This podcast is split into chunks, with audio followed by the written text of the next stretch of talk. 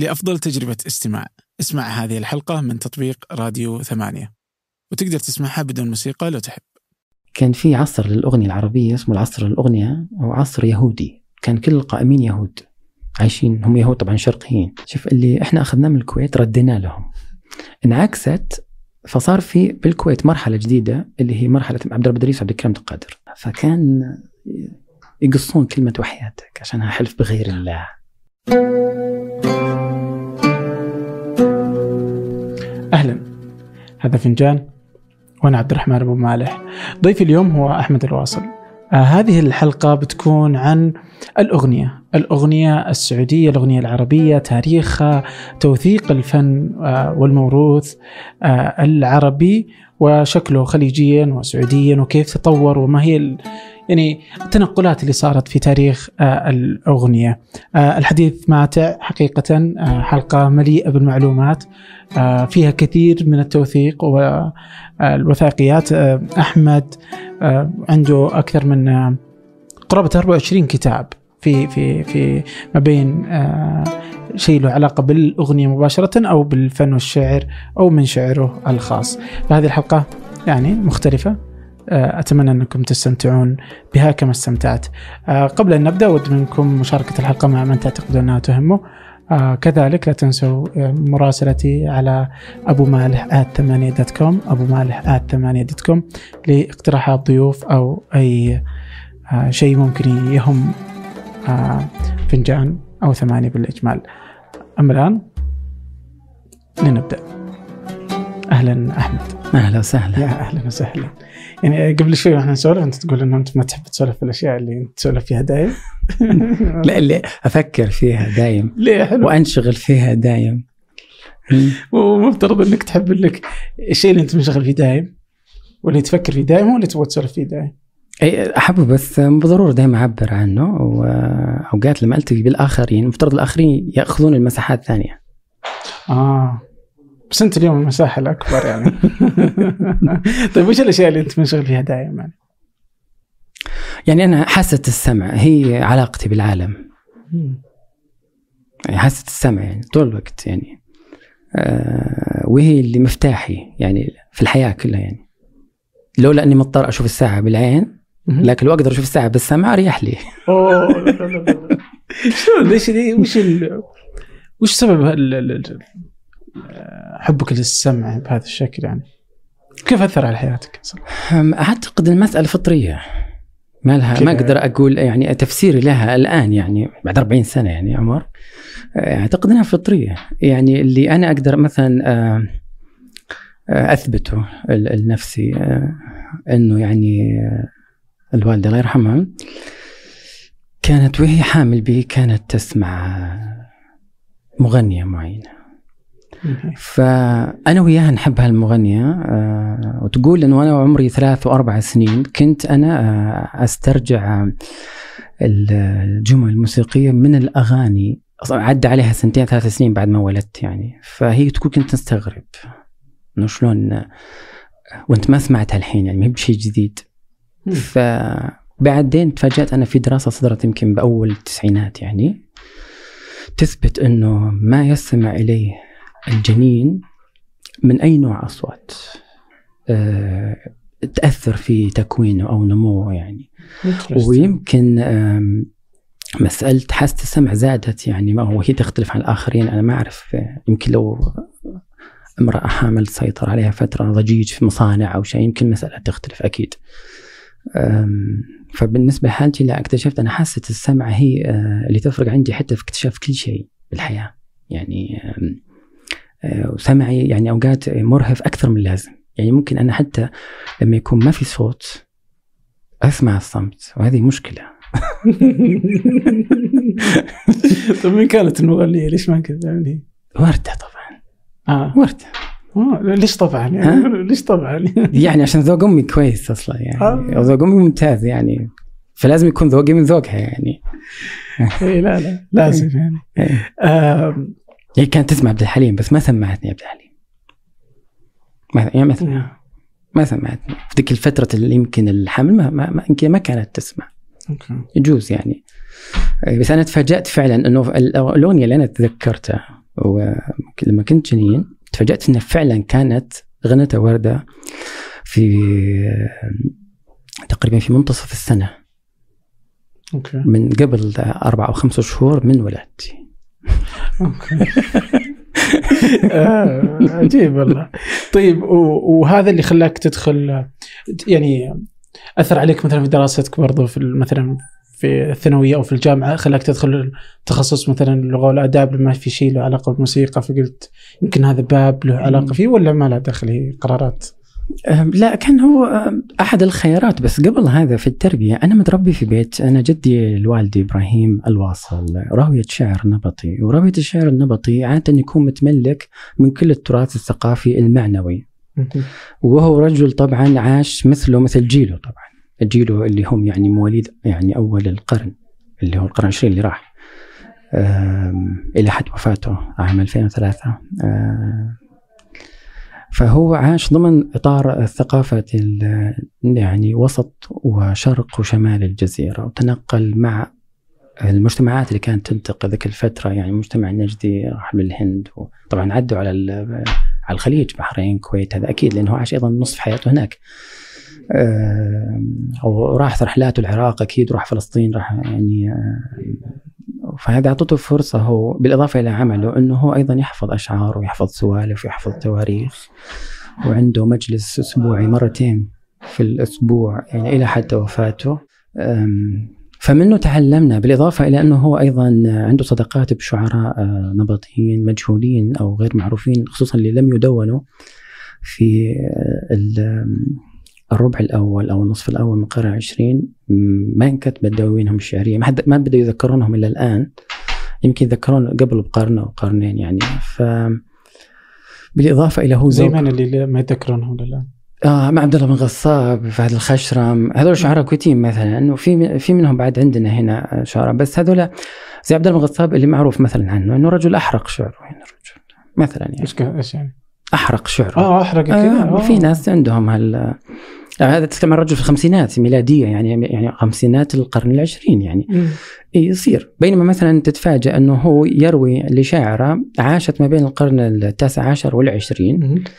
آه، مجموعة من القصائد ولأن المرأة أصلا تصارع الرجل في القصائد فاحفظوها يا رجال أوكي عرفت؟ وبعدين في أيضا يحفظون هم الأدب المكشوف آه، يحفظ أنا ممكن أسجل شيء بس للتاريخ يعني الجدي طبعا يعرفون والمعنيين بالمجال يعرفون هالأمر. أنه أذكر هو كد روى لي آه، واحدة من القصائد 77 بيت وهي قصيدة مهمة جدا في تاريخ نجد يعني أو تاريخ بالذات القصيم يعني.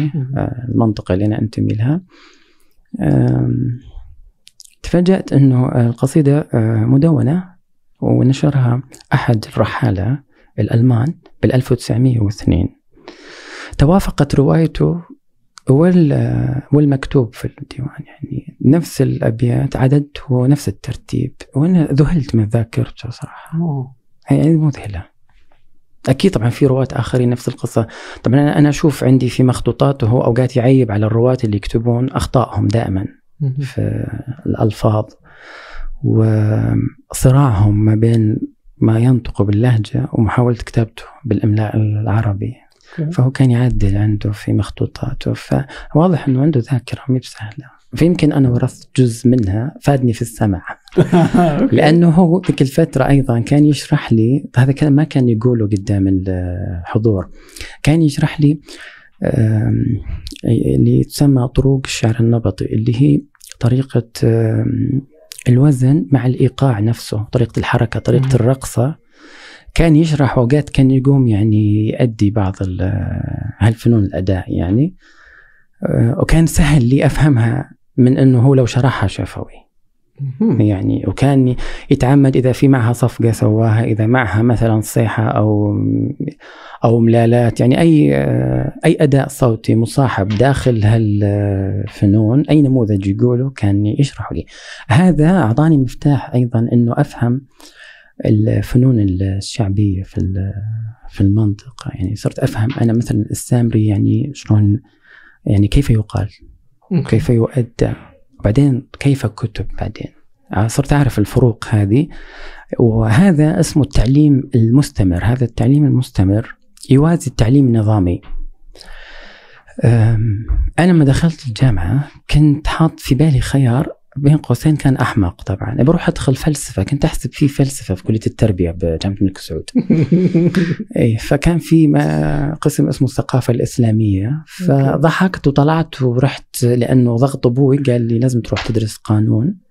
فرحت درست في قسم الأنظمة اسمه كذا في كلية العلوم الإدارية وقت ما التحقت. جلست سنة ونص وبعدين هربت إلى كلية الآداب إلى قسم اللغة العربية. فقلت أنا أهون الشر. لكن الدراسة النظامية كانت تمشي بتطور جدا بطيء مقابل التعليم المستمر.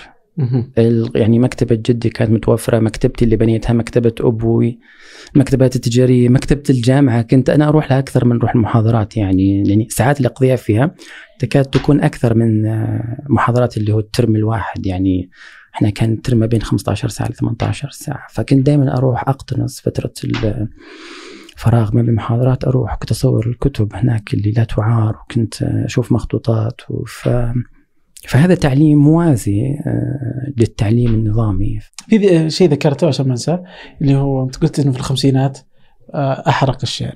وعلى إنه قلت كذا إنه طبيعي في الخمسينات. هل كانت أصلا في الخمسينات الناس يحرقون الشعر ولا؟ ولا مثلا لا احرقوا العبايات مثلا. احرقوا العبايات في الكويت الطالبات فاطمة حسين تقول في مذكراتها احرقوا العبايات لا يبدو إنه شوف آه كان في تعبير يقوله جدي هو إلى الحين بالنسبة لي غامض. يوم عرف إنه أنا أكتب شعر قال بك شوق يعني بين قوسين أنت تحب يعني أنت تحس يبدو إنه كانوا يستعيبون آه إما في حرج اجتماعي. أو حرج عائلي.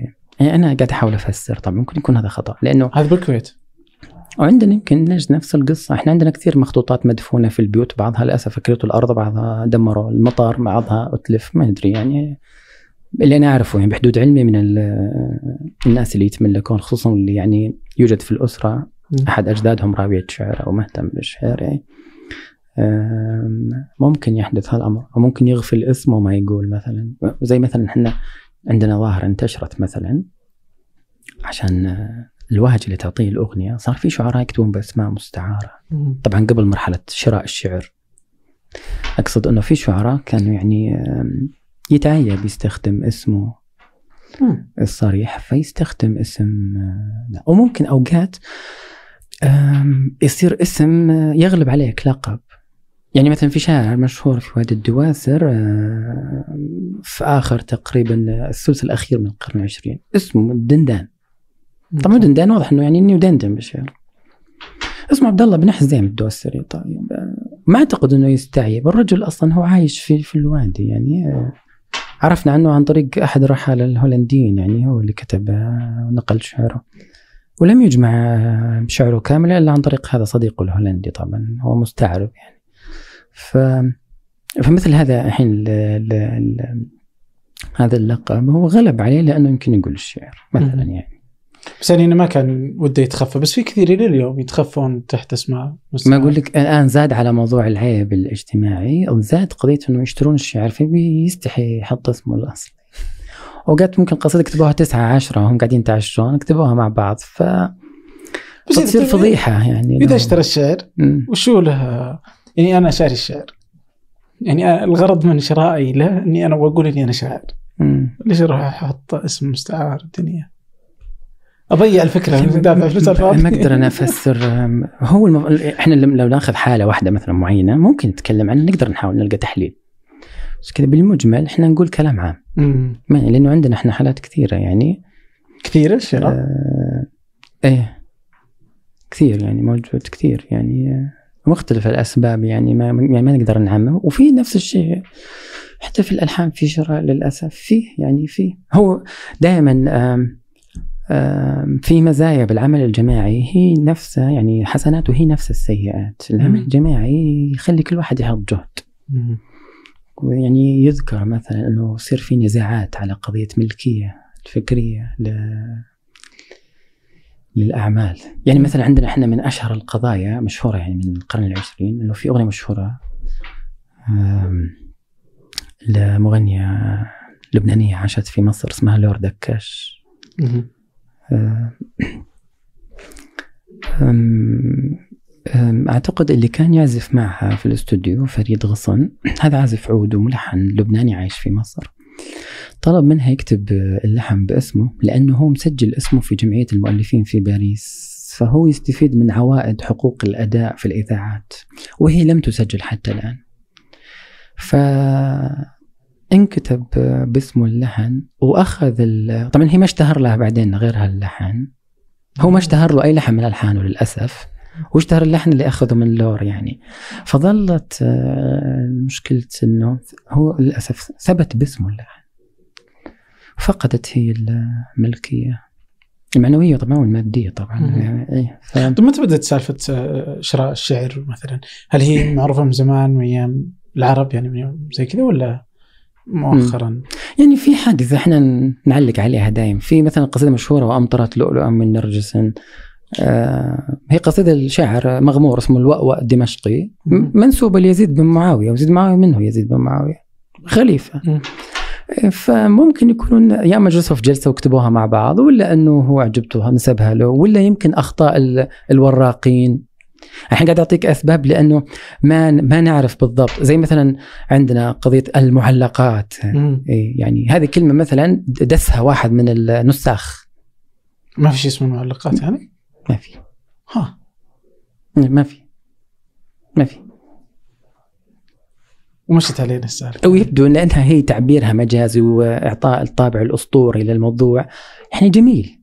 وحلو إنك تستعيد وفي نفس الوقت تفخر فيه وإنك يعني تست يعني تتكرر تقوله يعني. بس إنه مثلا مو موجود فممكن تصير مثل هالأمور هذه. هذا بالنسبة للقديم. أما في العصر على الأقل القرن العشرين عشان قضايا إثبات الملكية الفكرية والتسجيل في الشغله يعني في آه، يعني في قوائم اللي هي يعني الحقوق خاص بالمؤلفين سواء شاعر ملحن مغني كذا يعني. طبعا المغني ما يقدر يغير اسمه ولا يغير. ولا. إلا يقدر يغير اسم بس لازم يطلع باسم يعني يعني قصدي ما أسف ما يقدر يغير صوته يعني. إيه. مع إنه كنت سوى يعني فرانك فاريان صاحب فرقة البوني إم مشهور بالسبعينات okay. كذب على الناس آه، الفرقة كانت مكونة من آه، أربعة مغني آه، وأربع مغنيات. الولد هذا اللي يغني أصلا هو الصوت صوت فرانك فاريان مالكها هو ألماني. بس هو جايب الولد اللي أعتقد إنه الولد من جامايكا يعني.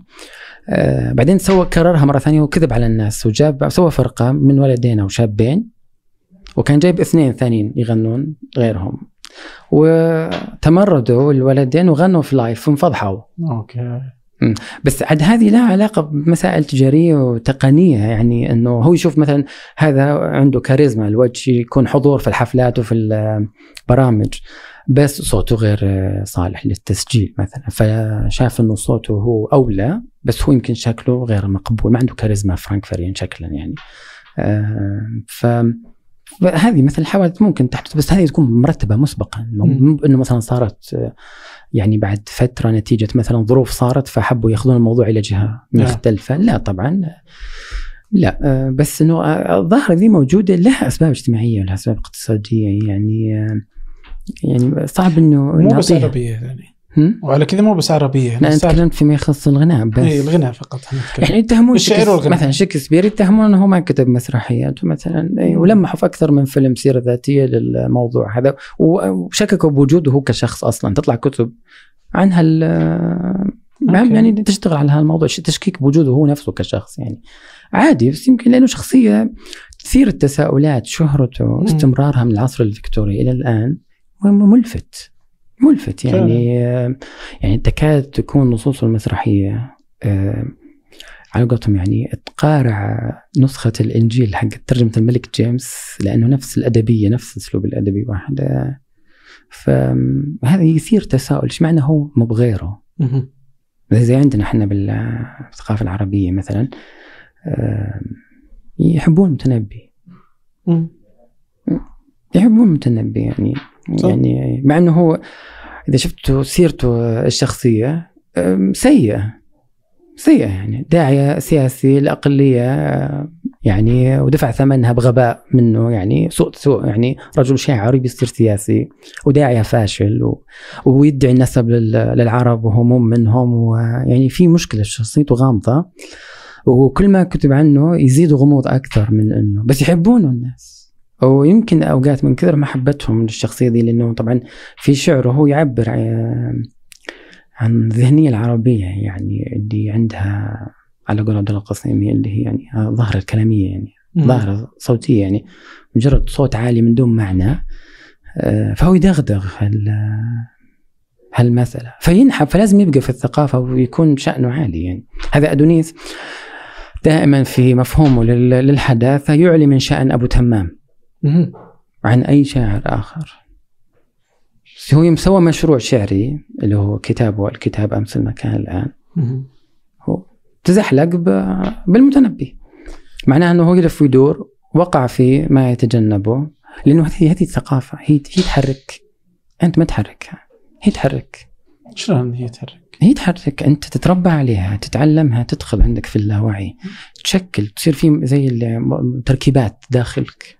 تتحكم في اختياراتك تتحكم حتى في آرائك تتحكم في توجهاتك في ذوقك.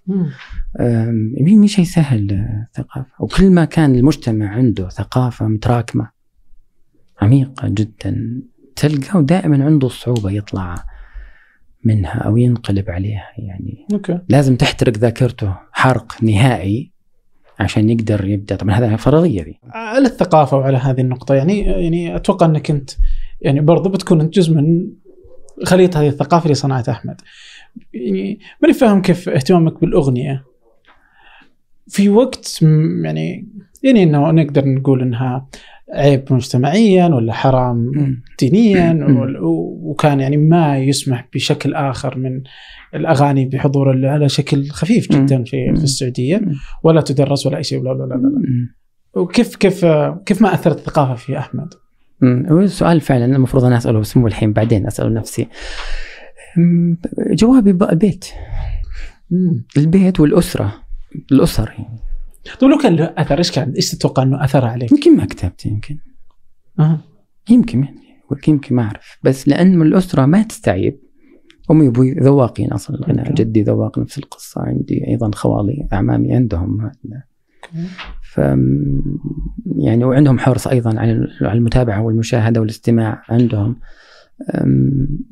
وبعدين أنت لأنك أصلا مثلا ما أنت بتخل بال مثلا بأركان الإسلام وأركان الإيمان فالتفاصيل الثانية ما لها قيمة. مم. إنك تعطيها بال يعني. يعني ثانوية ما اساسي لا ما لها قيمة. أوه ما لها قيمة. إي ما لها قيمة. مم. يعني مثلا ما عمري شغلت نفسي صوبي طويل إسبال ما إسبال هذه أنا أسمعها بس ما ما هي موجودة في البيت مثلا. ما هي موجودة مع الخياط. يعني ما هي بجزء من التفاصيل اللي ممكن تزعج الواحد في يومه في لبسه عرفت مثلا؟ بينما هي تشغل جامعة للأسف مثل هالقصة. يعني تشغل جامعة يعني تشغل محاضرة توعية إسلامية مثلا. اي آه بس ما كانت عندي. بس برضو إنك تكتب مثلا في الأغاني وتهتم بهذا الجو.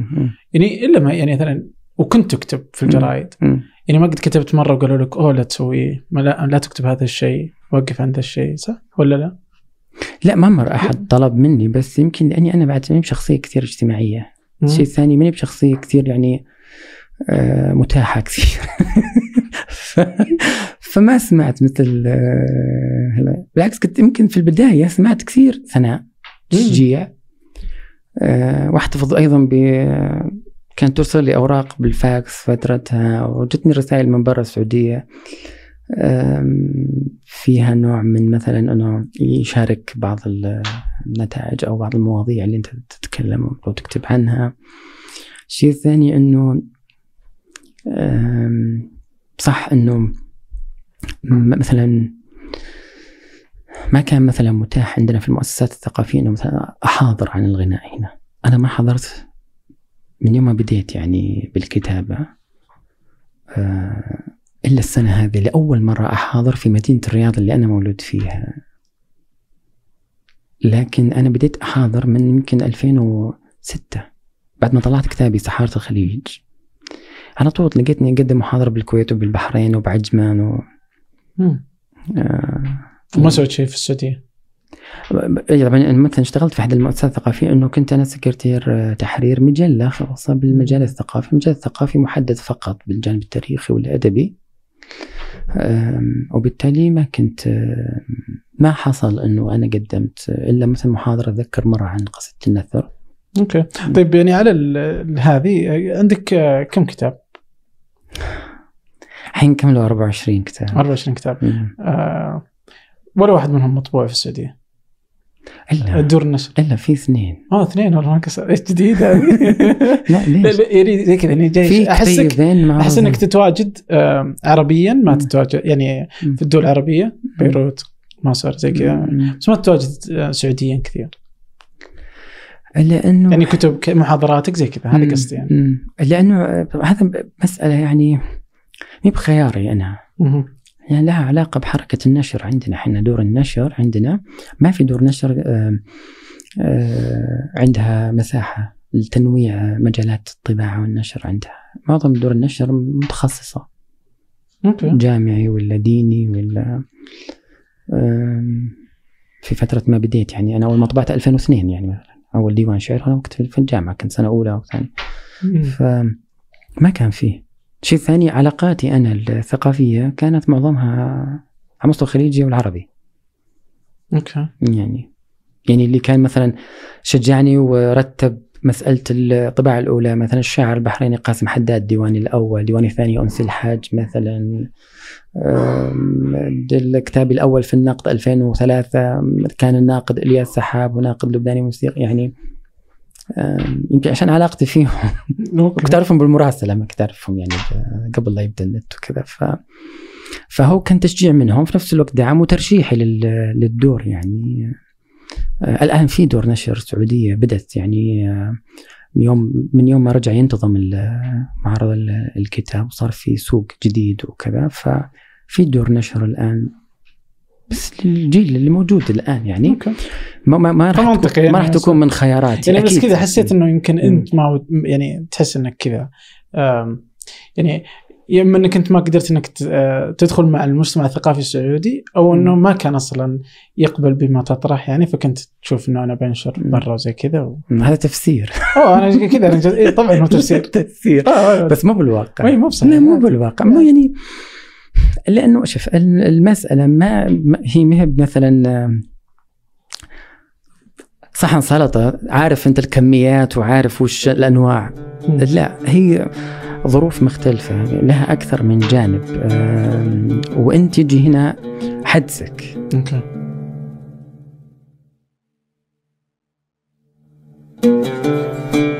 إذا إذا إذا ودي أمر على أبرز التحولات في الأغنية السعودية مم. وش بتكون يعني؟ آه. طيب هي مرت بمثل ما مرت الأغنية بأكثر من بلد عربي بس عشان حنا اللي يشتغلون دائما بالبحث العلمي يحبون دائما يحصرون الأمور يحبون يحددونها عشان تكون أسهل لل- التوثيق مثل ما تقول للتصنيف بالأحرى وبعدين للدراسة والتحليل فيما بعد خليني أنا أقول بعض الشغلات اللي هي تعتبر مقدمات مثل هالكلام. ممتاز. آه ال- الأغنية هي قالب. قالب شكل نمط. آه متكون من عناصر مختلفة. والأغنية ظهرت فقط في الربع الأول أو الثاني من القرن العشرين. وظهرت آه ما بين آه مركزين بغداد والقاهرة. طبعا ليش؟ لازم نقول ليش. بدأت تظهر الاستديوهات وبدأت تظهر آه، شركات إنتاج الأسطوانات القديمة. كانت تحسب الأغنية أو مدة التسجيل باللفة 45 لفة أو أقل. وممكن تكون وجهين ممكن تكون وجه واحد. وتنطبع برا بألمانيا و- أو باليونان. ممكن تتكسر وهي جاية بالسفن ويطبعون جديد. يعني هذه جزء من مشاكلها. بس إنه ليش ظهرت الأغنية؟ طيب هي قبل الأغنية في عندنا إحنا مم، عنصرين مهمين جدا. عندنا شيء إحنا الحين نسميه أول كان نسميه كلمة نستخدمها الكلمة الألمانية المنتشرة وكل نستخدمها فلكلور. آه كلمة فلكلور. الفلكلور هو يدخل فيه كل تعبير شفوي سواء كان آه، مرتبط بالقول أو بال بالأداء أو بالحركة. وسقطت الكلمة. بسبب واحدة من دول أمريكا الجنوبية لما راحوا بال يسجلون ملكية التراث. فصار يستخدم بديل كلمة فلكلور التراث الثقافي المعنوي. ما يخص أي شيء شفوي يعني مقابل المادي اللي له علاقة بأي شيء مادي يعني زي الصناعات اليدوية أو الأدوات اللي تستخدم القديمة. فهذا التراث الثقافي المعنوي. يشمل عندنا إحنا بالثقافة العربية كل ما أنتج سابقا. مو بالفروعية مثل ما يحبون عندنا المؤرخين يتكلمون فيما يخص الدين. قد يمكن يزيد 4000 5000 حسب الوجود العربي. يدخل فيها النقوش يدخل فيها الأثار يدخل فيها المخلفات المأثورة المعثورات الأثرية. آه، طبعا المكتوب فيها هذا المعنوي أما هي نفسها كمعثورات هذا المادي طبعا. آه، فهذا التراث الثقافي بكل أنواعه. أنا ممكن أقرب شيء بسيط أنه مثلا في ما بين القرن الخامس عشر والرابع عشر فترة دخول المغول وثق لنا صفي الدين الحلي في كتاب آه، دار شيء جمعوه سموه الفنون السبعة. في منها ثلاثة عايشة للحين خلت أسامي أخرى والأربعة ماتت طبعا لأنها الفنون مرتبطة مثل الكلام بالاستخدام. إذا انعدم الاستخدام ماتت. تتحول إلى أرشيف. بعده أعتقد أيضا وثق ابن إياس في مصر. نفس الترتيب يعني الفنون السبعة يعني كانوا يقسمونها يعني الموشح والقريض والقصيدة وال والكان الأسامي هذه. الكان مثلا آه، ظل عايش إلى القرن العشرين عن في, في ثقافة الشرق الجزيرة العربية اسمه مويلي وهذه الأغاني أو إذا تكون الأهازيج الصغيرة اللي يقولونها البحارة يتسلون فيها أوقات آه، مثلا يعني. الموال اللي هو طبعا عندنا بالثقافة العربية أشكال متعددة. يعني مثلا ممكن يتعدد أشطر مثلا تكون سبعة وممكن تكون ستة وممكن يكون رباعي. يعني مثلا في في منها عاش فترة. مثلا عندنا في ثقافة الشعر النبطي تسمى مربع وفي منها شكل يسمى دارمي بالعراق. وفي مثلا نمط واحد. الغريب أخذ أسماء كثيرة في كذا بلد. لكن ظل مثل ما هو اللي هو يسمى مثلا يعني نمشي يعني مثلا من الخليج يسمونه زهيري أو مسوبع عند أهل البحرين. آه، بالعراق يسمونه زهيري. طبعا ثقافة شرق العراق زهيري. بعدين إذا رحت قربت للشام يسمونه موال بغدادي. وأعتقد في مصر له اسم آه، آخر يعني. وهو في شكله تكوينه يتداخل بطريقة يعني شوي بعيدة مع الهجيني في عند بادية نجد يعني مثلا يعني. يعني شوف هو تشكل ياخذ هذا كله يندرج تحت ما يسمى التراث الثقافي المعنوي. بعده صار في حفظ لشيء اسمه الفنون الأداء. فنون الأداء هذه ممكن تكون أشكال من الأغاني في صورتها البدائية. يعني ممكن تؤدى جماعي ممكن تؤدى مفرد. يغيرون ايقاعها يبطئون لحنها يسرعونه. يعني أقرب مثال ممكن أقوله الآن عشان في ذهن الناس مثلا في أغنية مشهورة اسمها يا سارية خبريني معروفة في مكة مثلا. عمر كدرس ملحن الله يرحمه. أعاد توظيفها على نفس صيغة الأغنية خلالها مقطع أساسي ومقاطع متكررة. وهي أغنية كان يغنونها أولاد البلد الشباب في الساحات في مكة ويرقصون عليها. فأخذها ورتبها وأعتقد لطفي زيني كتب كلام جديد عليها وغناها طلال مداح وغناها طبعا عمر كدرس. آه هذه تعتبر من فنون الأداء هذه مثلا. آه لكن ماذا حدث في المركزين بغداد والقاهرة في العشرينات؟ نتيجة طبعا أول شيء الفرق الأجنبية ظهور المسرح ظهور الفن الأوبرا الإيطالي وتعريبه باللغة العربية بالذات في مصر طبعا. تقنين الملاهي الليلية يعني أنه عندها عروض فنية استعراضية وفيها فرق. تطلب يمكن ذيك الفترة إنه بدل ما يقدرون يجرجرون هذا التراث وهالفنون الأدائية اللي هي اولا تأخذ وقت طويل وشكلها ما يعبر عن الحياة اللي يعيشونها الجديدة في مطلع القرن العشرين خصوصا نعيش إحنا أصلا يعني القرن العشرين كان هو قرن اضطراب. فكان الإنسان يعيش هالحالة يعني بدأ القرن بالامراض يعني بدأت تنتهي الأوبئة في في أول ربع. ما إن انتهت الأوبئة بدأت حروب. وظل في اضطراب. في خصوصا عندنا إحنا في المنطقة العربية. في اضطراب. إيش؟ كل عشر سنين يحدث مثلا آه، حرب. سياسي كذا. يحدث. أيوه اضطراب اقتصادي طبعا يصير. في عندنا مشاكل اقتصادية طول الوقت. انهيارات سوق انهيار صناعة كاملة. يعني زي ما في الخليج حصل انهيار بسبب اللؤلؤ الياباني آه، ماتوا ناس. يعني ماتت اولا صناعة تجارة كاملة ماتت تجارة اللؤلؤ لأنه كان شرايه اللؤلؤ التجار الهنود. مم. يعني في الخليج كان يعيش على ال- المشترين الهنود بظهور هذا اللؤلؤ خلاص. انهارت. انهارت. بس صادف إنه النفط طلع في نفس الوقت السالفة يعني. إي بس ما شاف الجرح. يعني لأنه أنت تتكلم عن سنوات قرون آه، تجارة اللؤلؤ. قرون آه. يعني وأعتقد إنها أطول يعني أطول مما هي نعرفه. لأنها يبدو أنها مذكورة من أيام العصور السومرية لأنه يبدو أنها تجارة كانت معروفة. يمكن اختفت فترة بحكم أن الكائنات هذه اختفت من البحر لأسباب طبعا ويمكن رجعت بعدين. آه أوكي. اي ما يعني آه، باعتبار إنه هذا مورد طبيعي. يعني مو مو مثلا إنه يظهر نتيجة ظروف معينة ثم يختفي. هو كائنات هذه. تعيش وتموت ما نعرف أسباب موتها أو حياتها إلا لها علاقة بالطبيعة صح. على أي حال فأنه في هالمركز يعني يبدو أنه أفرزت هذه الحياة الجديدة وطلعوا شكل للأغنية ينكتب بطريقة معينة شعرية ما. تشبه الفنون الأدائية ولا أي لغة ويقطع نهائي مع التراث الثقافي بشكل عام. وله طريقة في التلحين وطريقة في الإيقاع طريقه في التسجيل وطريقة في الأداء فبدأت تظهر شكل للأغنية. أنت ممكن تشوف في جزء من عناصره له علاقة بالفنون الأدائية أو التراث. واوقات ما له علاقة شيء جديد. يعني شيء يعني ابتكر حديثا. وهذا المعمل اللي كان في بغداد والقاهرة اشتغلوا طول فترة الثلاثينات والأربعينات. آه، وطبعا بدأت تتأثر معامل أخرى بدأت تتأثر. بس كان في ناس يأخذونها من بالأسهل. يأخذوا مثلا نماذج جاهزة أوروبية أو نماذج مثلا آه، الأجانب اللي جو عاشوا في المناطق العربية خصوصا الدول اللي يعني مرت بظرف الاستعمار. كان في طبعا آه، الجنود الاستعمار يحتاجون ترفيه.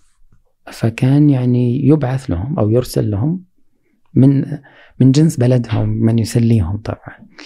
وهذا طبعا له علاقة بمسألة التثاقف يعني تفاعل الثقافات. هذا بعد أثر. يعني هذا هذا نشوفه كثير واضح آه، بعدين. آه، لما وش الأشكال اللي طلعت مثلا؟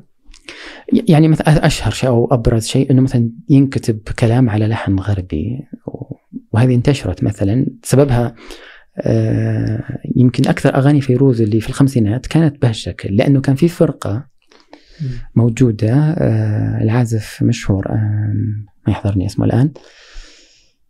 كانت تعزف الأغاني ذاك الوقت الجنود الفرنسيين وكانت تشتغل بالإذاعة فاقترحوا ينكتب كلام باللغة العربية بس باللحن ال- على الألحان اللي هي. من أمريكا ال- ما كان فرنسية أكثرها أمريكا الجنوبية آه، كانت okay. أكثرها أم، يعني ممكن فرنسية أم، ممكن بتونس وبال وبالجزائر وشوي okay يعني ممكن المغرب يعني بس ما يعني اللي أنا سمعته كثير كان كثير في تونس.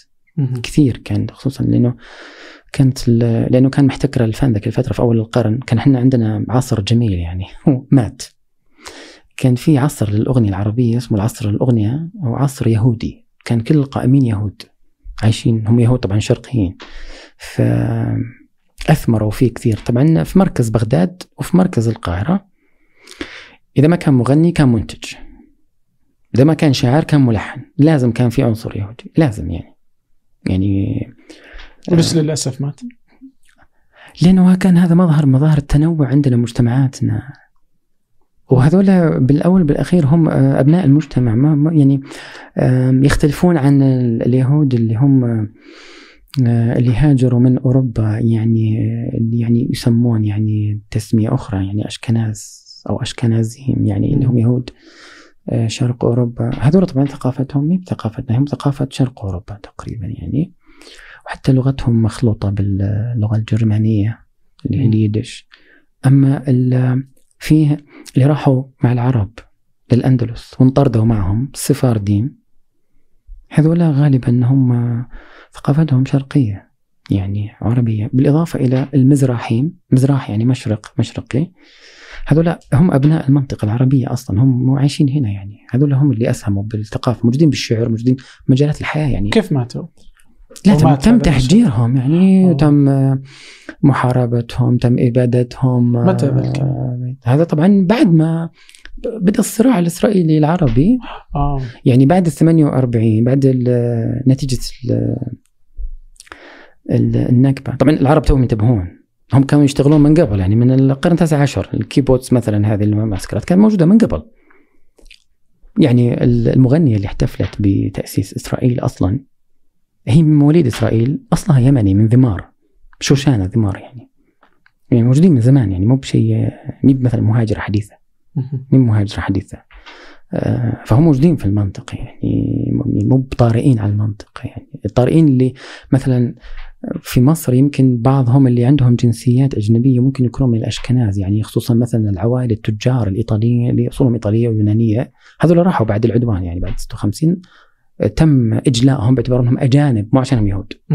لكن مثلا معروف آه، في العراق في حادثة الفرهود تم استباحة بيوتهم ونسائهم وبناتهم ثلاثة أيام. وكان الجيش الإنجليزي في البصرة يراقب وساكت. فترة الحكم الملكي في العراق يعني وكأنه في نوع من التواطؤ طبعا ما بين السفارة الألمانية وما بين مجموعة جت لها علاقة بالثورة العربية وهم اللي شنعوا عليهم طبعا هي كانت بشعة الإبادة. نفس المسألة هذه اللي كانوا يسمونهم بالجزائر أصحاب الأقدام السوداء اللي متعاونين مع المستعمر الفرنسي. فهم يشعر بالكره المسبق من المجتمع الجزائري فترك البلد. لأنه كانت فرنسا تمنحهم الجنسية أولوية على على المواطن الجزائري يعني. فصار في نوع من العداء يعني لكن هم اللي أسهموا في الفترة هذه في بداية شكل الأغنية.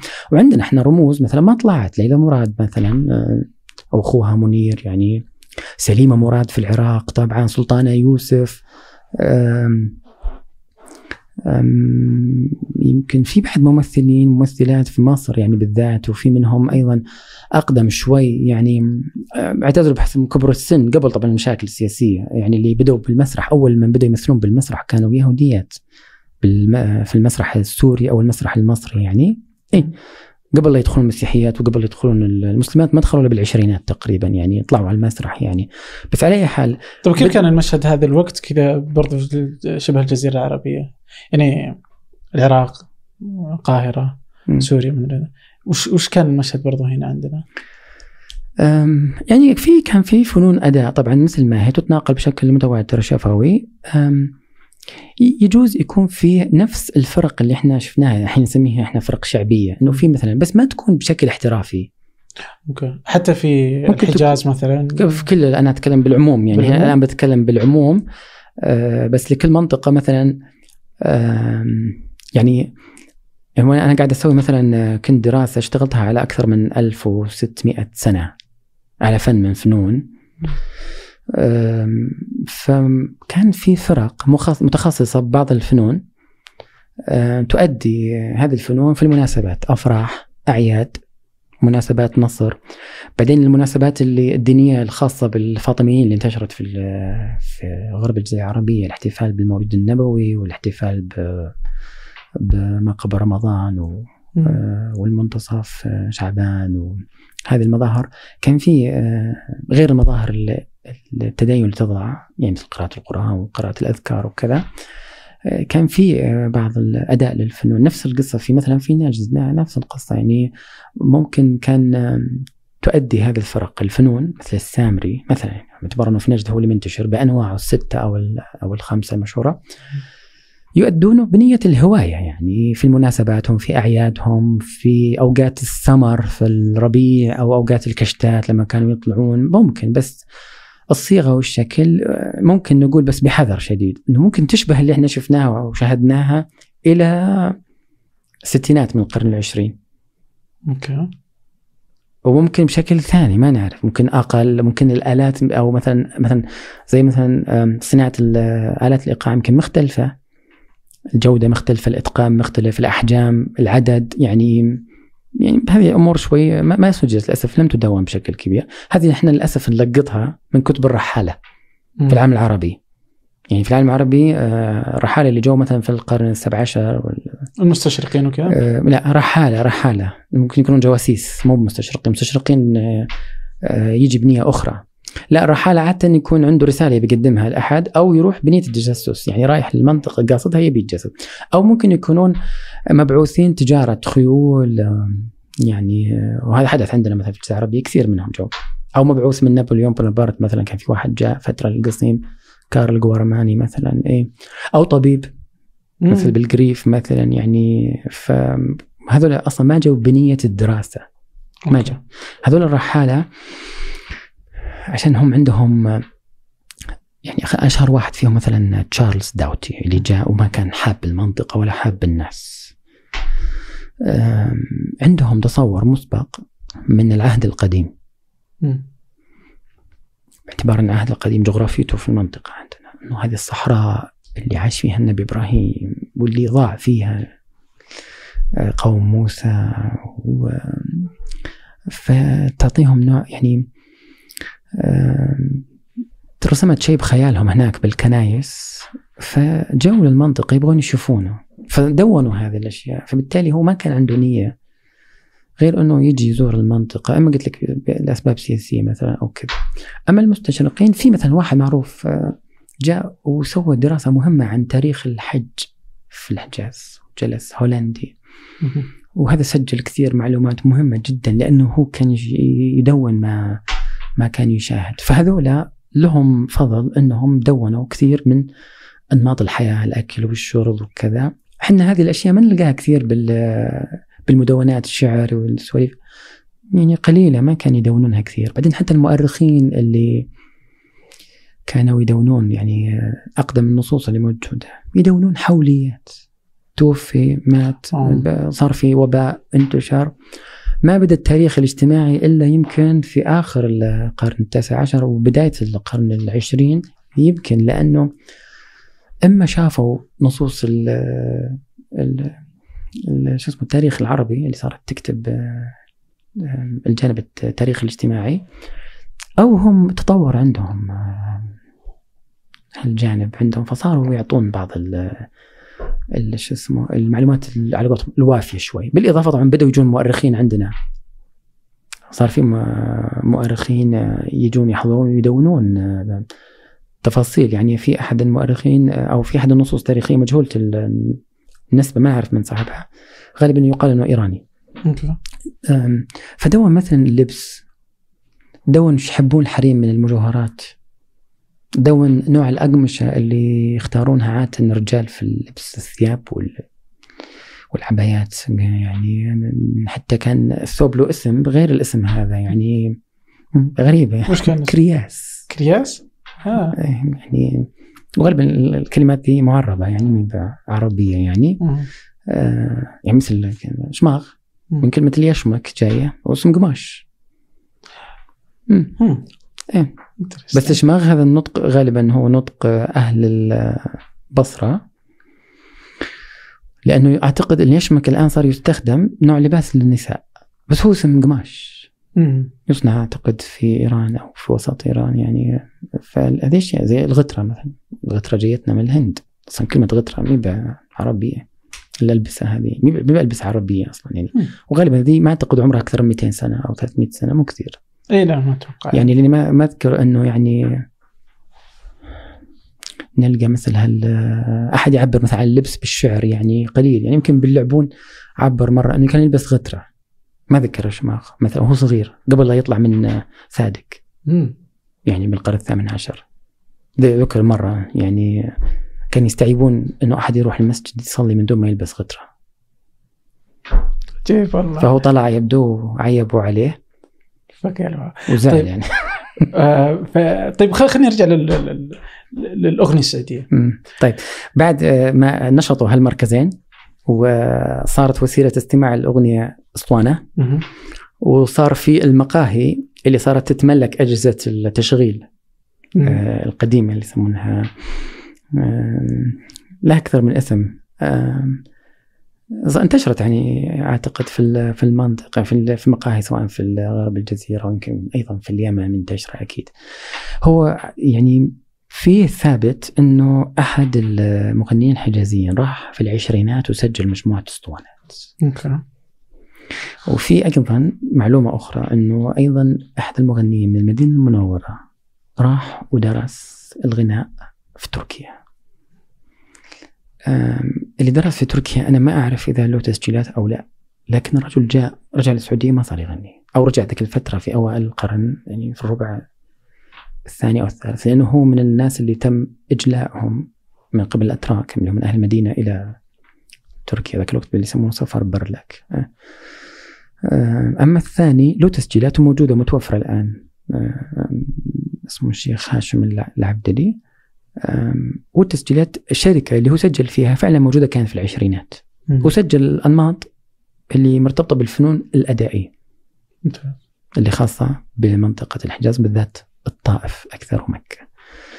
أم، بعد أه، من انتشار أعتقد هذا السماع ظلت كثير من ال- بالذات أه، في الجزيرة العربية خصوصا في الخليج أو في اليمن يوم صارت في عروض التسجيل راحوا يسجلون سجلوا هذه الفنون الأدائية ما سووا أغنية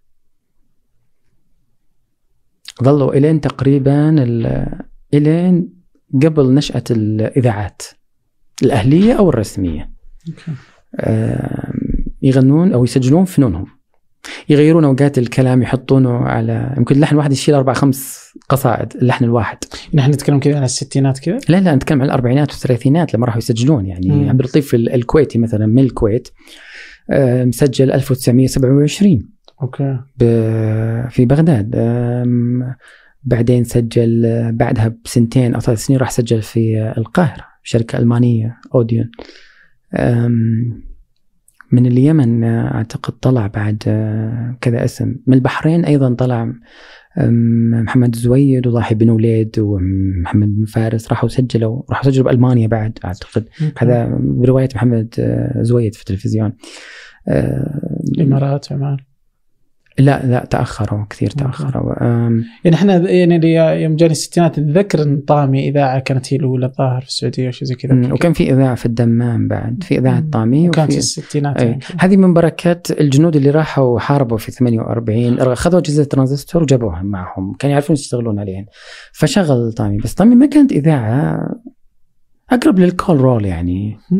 ضاعت بقرة فلان ينادي عليها ضاع ولد فلان. كان يشغل أغاني كان. يبثون. اي هذه الإذاعات اذا يبغى يروح اي اي هذه الإذاعات في فترة الستينات فادت المغنين الشعبيين عندنا اللي ما كانت الاذاعات الرسميه تبث أغانيهم. okay.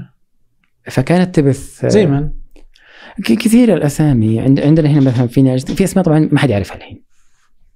يعني إبراهيم الأسود وفي آه، في أبو سعود الحمادي في اللي يعرفونهم الناس الحين كيف فهد بن سعيد يتذكرونه لأنه كان معروف من. الستينات إلين توقف في الثمانينات بشير حمد شنان سعد إبراهيم وفي آه، فراج الطلال في أسامي كثيرة أنا طبعا ما أعرفهم إلا بالكتالوج ما أعرفهم. أو اللي سمعتهم بعدين بال باليوتيوب. ما كانوا من خيارات البيت ما أعرفهم أنا ترى كلهم. يعني تعلمتهم بعدين يعني عرفتهم بعدين فيما بعد.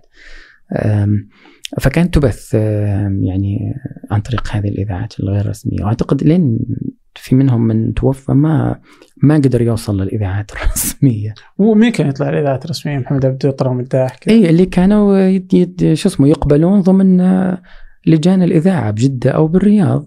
يعني اللي يقبل مم. ويجاز من اللجان. يعني شو اسمه يعني مثلا جيزه على؟ مم. آه، يعجبه صوته ولا في لجان هي تقيم الأصوات اللي تجي آه، في لجان يعني. يعني مثلا محمد عبده من اللي بدأوا من الكورال الأطفال. في منتصف الستينات أعتقد يعني ما بين ال 64 65 قبل لا يغني بشكل منفرد 67 أو أو 66 مثلا يعني. آه، مثلا طلال آه، سجل في البداية خارج السعودية بلبنان. وفي أكثر من مغني أيضا سجل هناك. في كثيرين راحوا سجلوا لأنه أعتقد طلال أسس مع لطفي زيني شركة معهم شريك ثالث طبعا. آه، فكان ما في استديوهات هنا. وأوقات ممكن استوديو الإذاعة ما ي- لا يسمح إنه يأجر للشركات. فيروحون يسجلون برا أكيد. هذا أكيد في الستينات حصل. واللي يتاح يسجلونه. إذا كان في مثلا أغنية خاصة بالإذاعة زي الأغاني الوطنية وأغاني المناسبات هذه أكيد. بس مثل الأغاني التجارية هذه تطبع لا. في طارق عبد الحكيم مثلا لما سجل أول أغاني سعودية لما كان درس ذيك الفترة في في القاهرة لأنه هو رجل عسكري تجنب تسجيل الأغاني وأعطى الأغاني لمغنيات. ذاك الوقت نجاح سلام أعتقد و نجاة الصغيرة وفايزة أحمد وسميرة توفيق يعني بعدين هو حب الموضوع صار يعطي كثير من مغنيات ذيك الفترة. إيه، يعني صوته يعني كان يعني محدود يعني ما كان ذاك الجيل بعدين هو آه، لما بدأ يظهر الجيل التالي صار يلحن لهم طبعا جيل محمد عبده. طلال مداح يعني صار يلحن لهم يعني إذا إذا بدنا نقول آه، من كان في مغني كان له تأثير في آه شكل الأغنية السعودية آه اقليميا. من بيكون؟ الحين أنا ذكرته المسؤول عن نشأة الأغنية السعودية طارق عبد الحكيم محمد الفهد العيسى شاعر طبعا ومعهم إبراهيم خفاجي. هذولا آه حطوا عينهم على الأغنية المصرية. أوكي. والتقارب. غير معلم بين الأغنية الحجازيه والأغنية المصرية كان هذا سهل لكتابة آه، الأغنية في جذور مشتركة مع أغنية الجوار المصري. يعني حتى واحد محمد فهد العيسى من عنيزة من القصيم يعني كتب باللهجة الحجازية آه، آه، معناه أنهم هم تواضعوا على هذا الشكل بهذه اللهجة. باختيار نوع المقامات باختيار الإيقاعات. برغم أنه طبعا كان يحصل آه، مثلا آه، نشوز على هذا الشكل حدث. إما إنه آه، يعتمدون على الفنون الأدائية ويبنون عليها مثل ما حصل مع عمر كدرس في أغاني اشتغل عليها بشكل ممتاز. بعدين طارق فهم هذا الدرس من التلميذ و سوى نفس الطريقة بعدين. طلال مداح كان عنده نوع من تعدد في مصادره السمعية فكان حر أكثر. لما كان يلحن دائما تشوف عنده أغنيته كل أغنية في فترة الستينات. أوقات في بعض الأغاني فيها نكهة جنوبية أو طائفية في نكهة مكاوية في نكهة شامية في نكهة مصرية. لأنه عنده مرجعيته مساحتها متعددة فهو ما كان ملتزم. وبعدين هو ما كان عنده هدف يقدم نموذج. طارق كان عنده هدف يقدم نموذج لأنه هو بعدين صار مسؤول عن مدرسة موسيقات الجيش العربي السعودي في وزارة الدفاع. وخرج هو آه، نواة الإذاعة آه، فرقة الإذاعة السعودية بعدين. ظهر منها عازفين كبار طبعا مهمين جدا مثل ثواب عبيد ومثل عبد المزيد وظهر ملحنين كبار مثل عبد الله محمد آه، هذا من المدرسة الجيش العربي السعودي. من فرقة من فرقة وهي الطلبة هذولا طبعا جزء منهم أكيد أنه ظل هو الفرقة الموسيقية العسكرية. جزء منهم أيضا صار هو آه، الفرقة الموسيقية الخاصة بالإذاعة واللي صارت تطلع بالتلفزيون السعودي بالستينات. طبعا أضيف لها عناصر جديدة أكيد. طبعا استقدم فترة آه، موسيقيين سوريين جلسوا فترة طويلة عندنا هنا. يعني جت فترة الأغنية بعد السعودية هذا أحد المصادر اللي أثرت فيها. في نكهة سورية. مع أن الأغنية ما في شيء اسمه أغنية سورية للأسف نكهتها واضحة. بس كان في طعم سوري بالعزف. كان في طعم سوري حتى بطريقة تنفيذ الإيقاعات. حتى أنه طلال ومحمد عبده آه، غنوا الملحن سوري اسمه محمد محسن. آه، الغريبة نجح لحن محمد عبده خاصمت عيني من سنين أكثر من لحن ده. وهو أيضا أخذ واحدة من أغاني الفنون الأدائية السعودية وأعاد توظيفها بشكل آخر أعتقد لمغني مصري. يعني هو استفاد من الموروث. طبعا بعدين أكثر واحد استفاد من موروثنا طبعا بليغ حمدي يعني آه، كان أحد مصادره الأساسية في كثير من أغانيه لأكثر من 30 سنة. يعني آه، الفنون الأدائية اللي يمكن استثمروها فيما بعد الجيل بعد طارق لما ظهر يعني ظل يمكن جيل جيل طلال اللي هم جميل محمود و وسامي حسان فوزي محسون في طبعا هنا بالرياض سعد إبراهيم. ظلوا يحاولون هم يشوفون الن- النماذج اللي برا. طبعا مو بس هم كسعوديين حتى مثلا مثلا ممكن السوري يشوف النموذج اللبناني ممكن العراقي يشوف النموذج المصري ممكن التونسي يشوف النموذج المصري لأنه بعد لا تنسى دور مصر ذيك الفترة في الستينات كانت إذاعتها تلفزيونها يعني أثروا يعني بالذات الإذاعة يعني أثرت يعني آه، مع إنه أوقات إذا النموذج يخالف الذوق المحلي آه، لا يعاد تكرير. إيه يعني ما شفنا إحنا مثلا إعادة نسخ الأغاني فيروز ولا أم كلثوم عندنا. كان كثير من الأغاني عندنا تعتمد على مصادر التراث اللي عندنا أو الفنون الأدائية. يعني بعد ما أسس طارق أو طارق يعني يتحمل أخطاء البداية مثله مثل غيره طبعا. لكن هو أسس. الجيل اللي بعده حاول ينتبه للتراث والفنون الأدائية واشتغل عليها بشكل جيد. بس في نفس الوقت هنا ظهر مركزين قوي التأثير عندهم في قوة في التأثير. مركز الكويت وبيروت. بدأوا بالستينات مع بداية الإذاعة الرسمية والتلفزيون الرسمي. وبعدين آه، في آه، لا تنسى المؤسسات التعليمية تعطي تغذي ال- الإذاعة بالعازفين بالكوادر يعني. إحنا نتكلم كذا عام كم؟ بداية الستينات بداية. الستينات. إيه بدأوا المركزين هذولا يتنازعون. الكويت وبيروت. بيروت إيه المركز بيروت هو اللي من نتائجه انه ظهرت. فيروز وصباح وديع الصافي. ونصر شمس الدين و...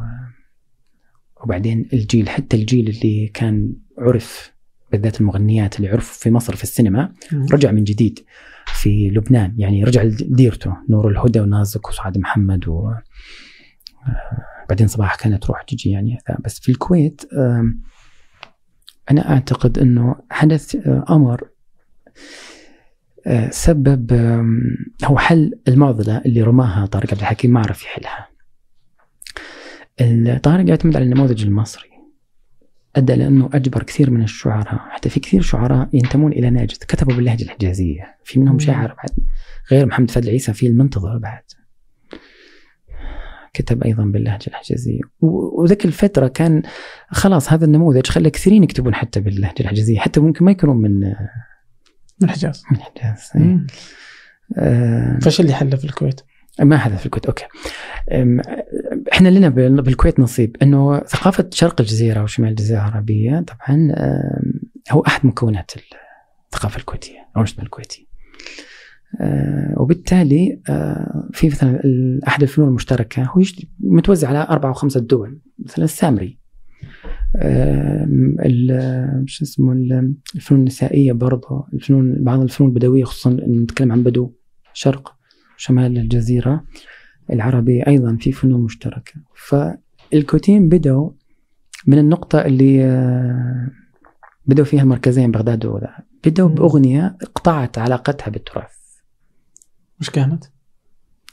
يعني آه، حاولوا يعطون شكل جديد اهتموا باللهجة الكويتية آه، لأنهم شافوا كل التسجيلات اللي قبل كانت أسطوانات كلها تسجيل الفنون الأدائية مثل ماهي آه. وما تعبر عن ال- يعني يعني أنا أغني بالستينات.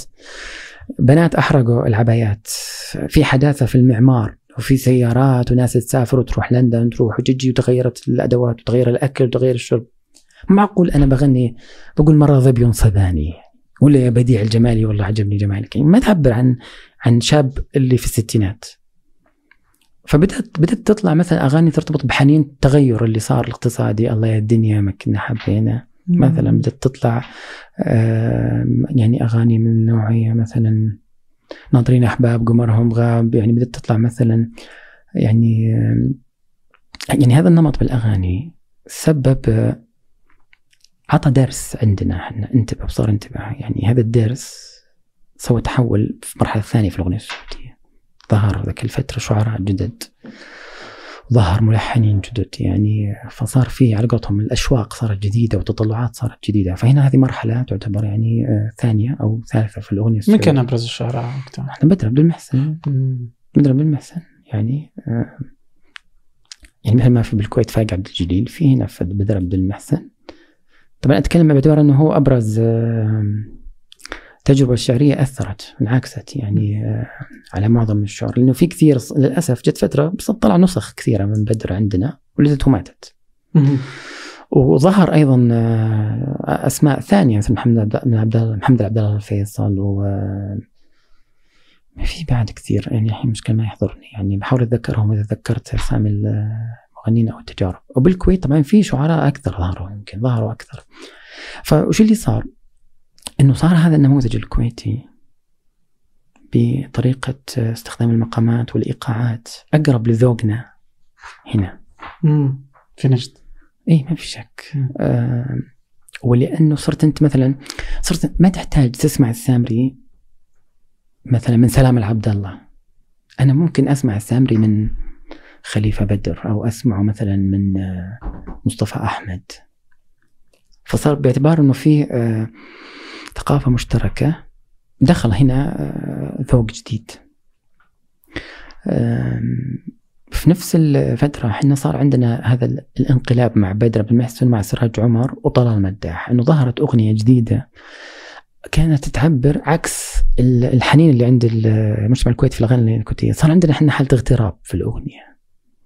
كيف؟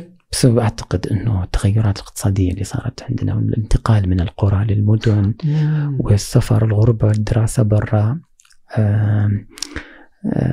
بالإضافة إلى تغير الأنظمة الاجتماعية والاقتصادية بالمجتمع صار في مفردة آه، الغربة حادة في الأغنية. يعني في كان في مسلسل عرض لطام الداح في رمضان في عام 1973 الأصيل. لحن أكثر أغاني سراج. هذه عطى سراج أكثر من نموذج الأغنيات السعودية بالسبعينات اللي هي أغنية جديدة شكل وطعم ونصوص. معظمها كانت كلام بدر عبد المحسن طبعا والحان سراج غناها طلال هذه الأغنية سوري يعني. لا لا. شوف اللي إحنا أخذناه من الكويت ردينا لهم. انعكست فصار في بالكويت مرحلة جديدة اللي هي مرحلة عبد الرب وعبد الكريم القادر بسبب المرحلة اللي عندنا فانتقل آه، حقنة الاغتراب عندهم. فأشهر أغنية طبعا غريب سنة 76 عند عبد الكريم عبد القادر.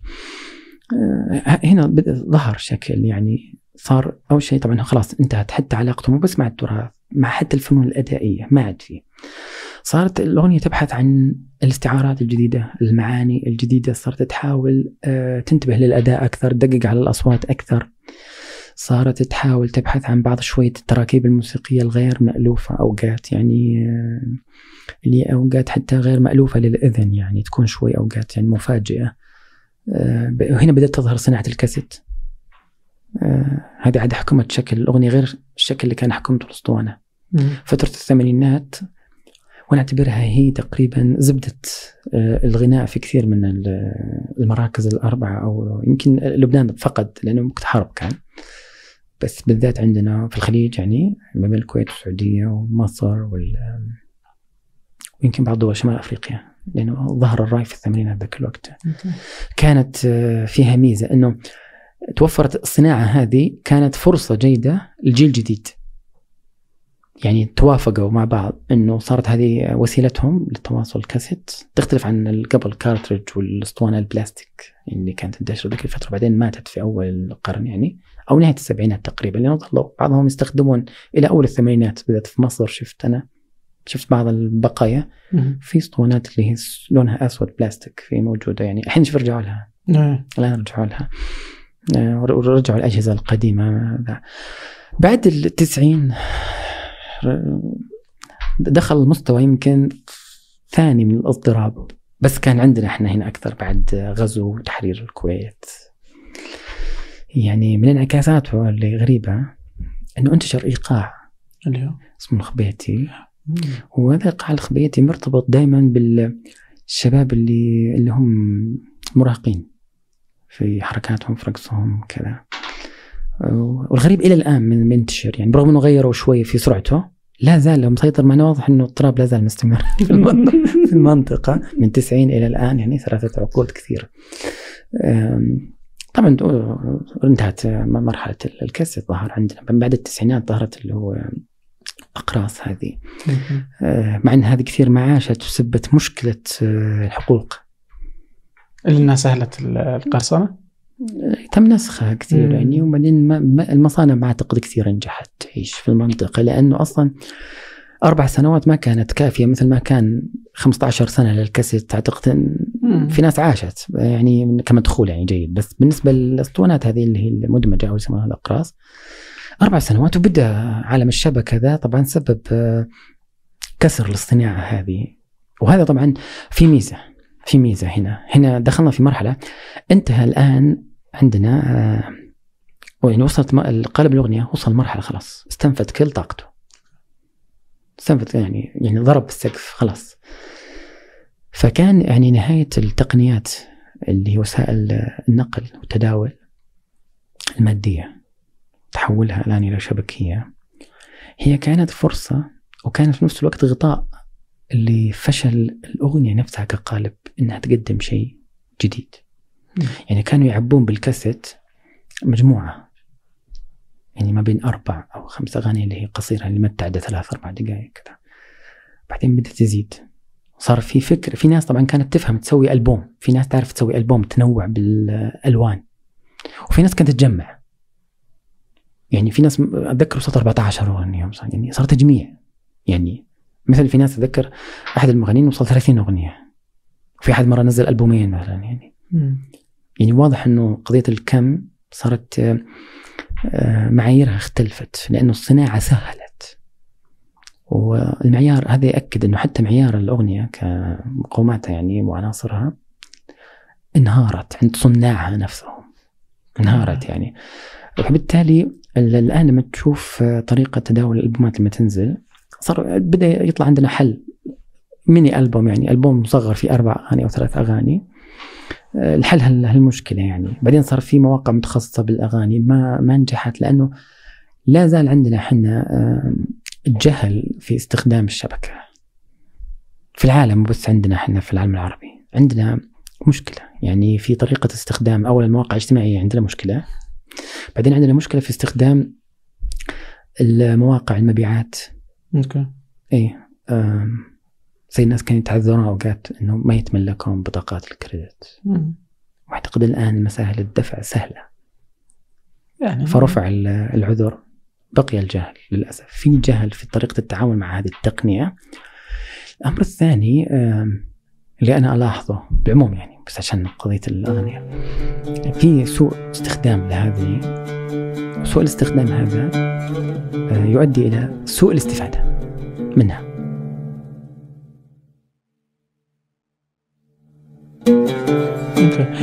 طيب آه وين دور بنوره في الموضوع. محمد عبده ما شفته في جزء من مراحل محمد يعني. مثله مثل غيره يعني اسمه محمد عمر آه، بس شفتك. ذكرت طلال مداح أكثر من نعم. مرة بس إني شفت محمد عبده مع لا طلال. يعتبر صوت يعني آه، متميز عندنا في آه، الأغنية السعودية. وبالاضافه إلى يعتبر متميز في الأصوات الرجالية في القرن العشرين يعني هنا أهمية طلال بس طلال صوتا أهم منه ملحنا لأنه طلال آه، لحن في فترات لكن ألحانه لا تضارع ألحان الآخرين اللي لحنوا له. يعني هو بالأول والأخير آه، آه، مغني. حدث عندنا في ال- في الثقافة العربية بالقرن العشرين هذه الثنائية. بس كان واحدة منهم تنهزم لصالح الثانية.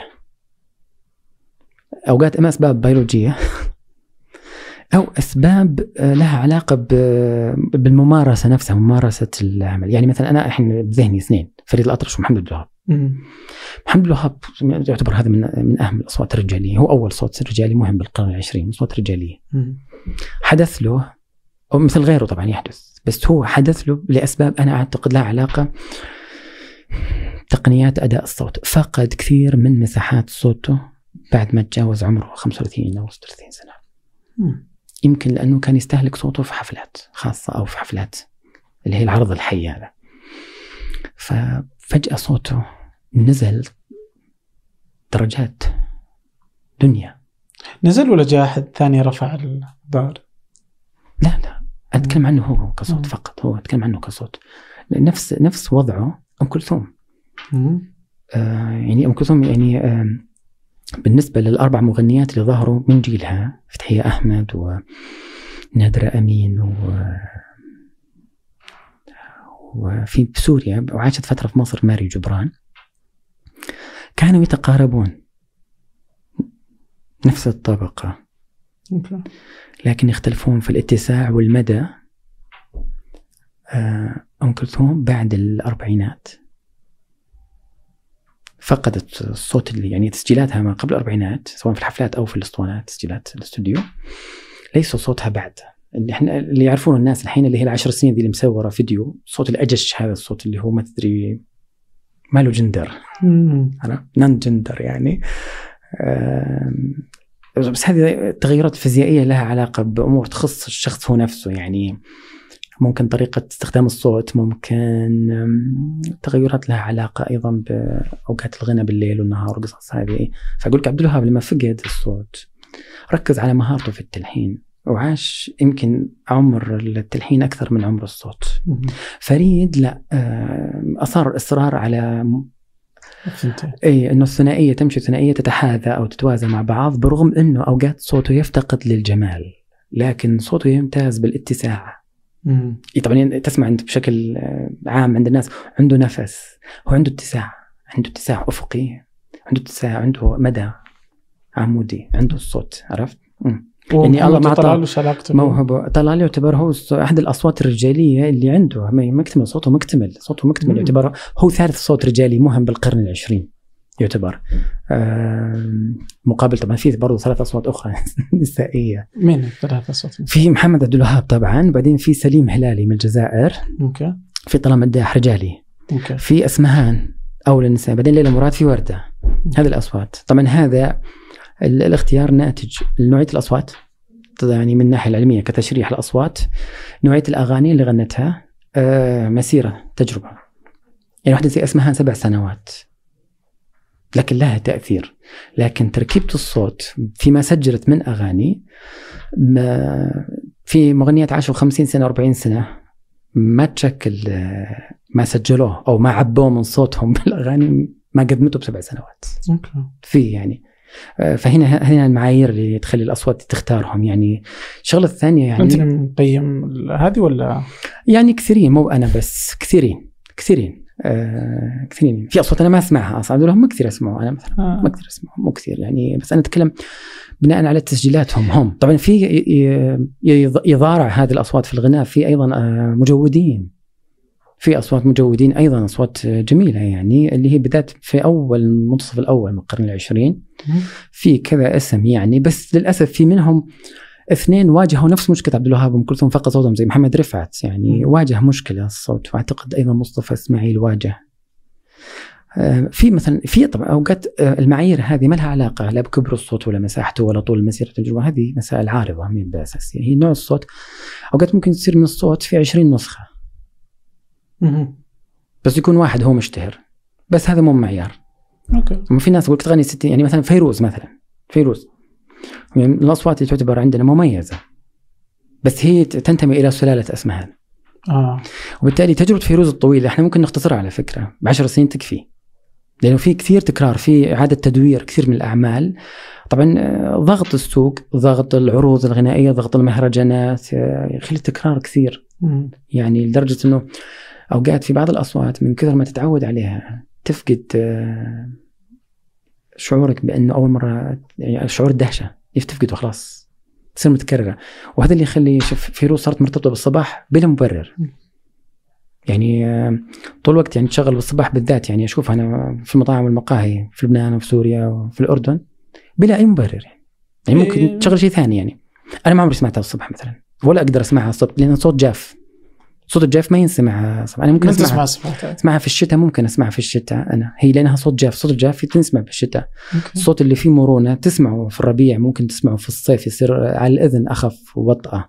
طبعا هذا من مزايا تطور عندي حاسه أنا أشوف. السمع مرونة ورطوبه في إيه، في أصوات صعب ما تقدر تستحمل. في صوت ما تقدر تستحملها. ولا دقيقة. ما تقدر زي؟ تستحملها. يعني مثل محمد عبد المطلب أنا ما أقدر أستحمله. ما أقدر أستحمله.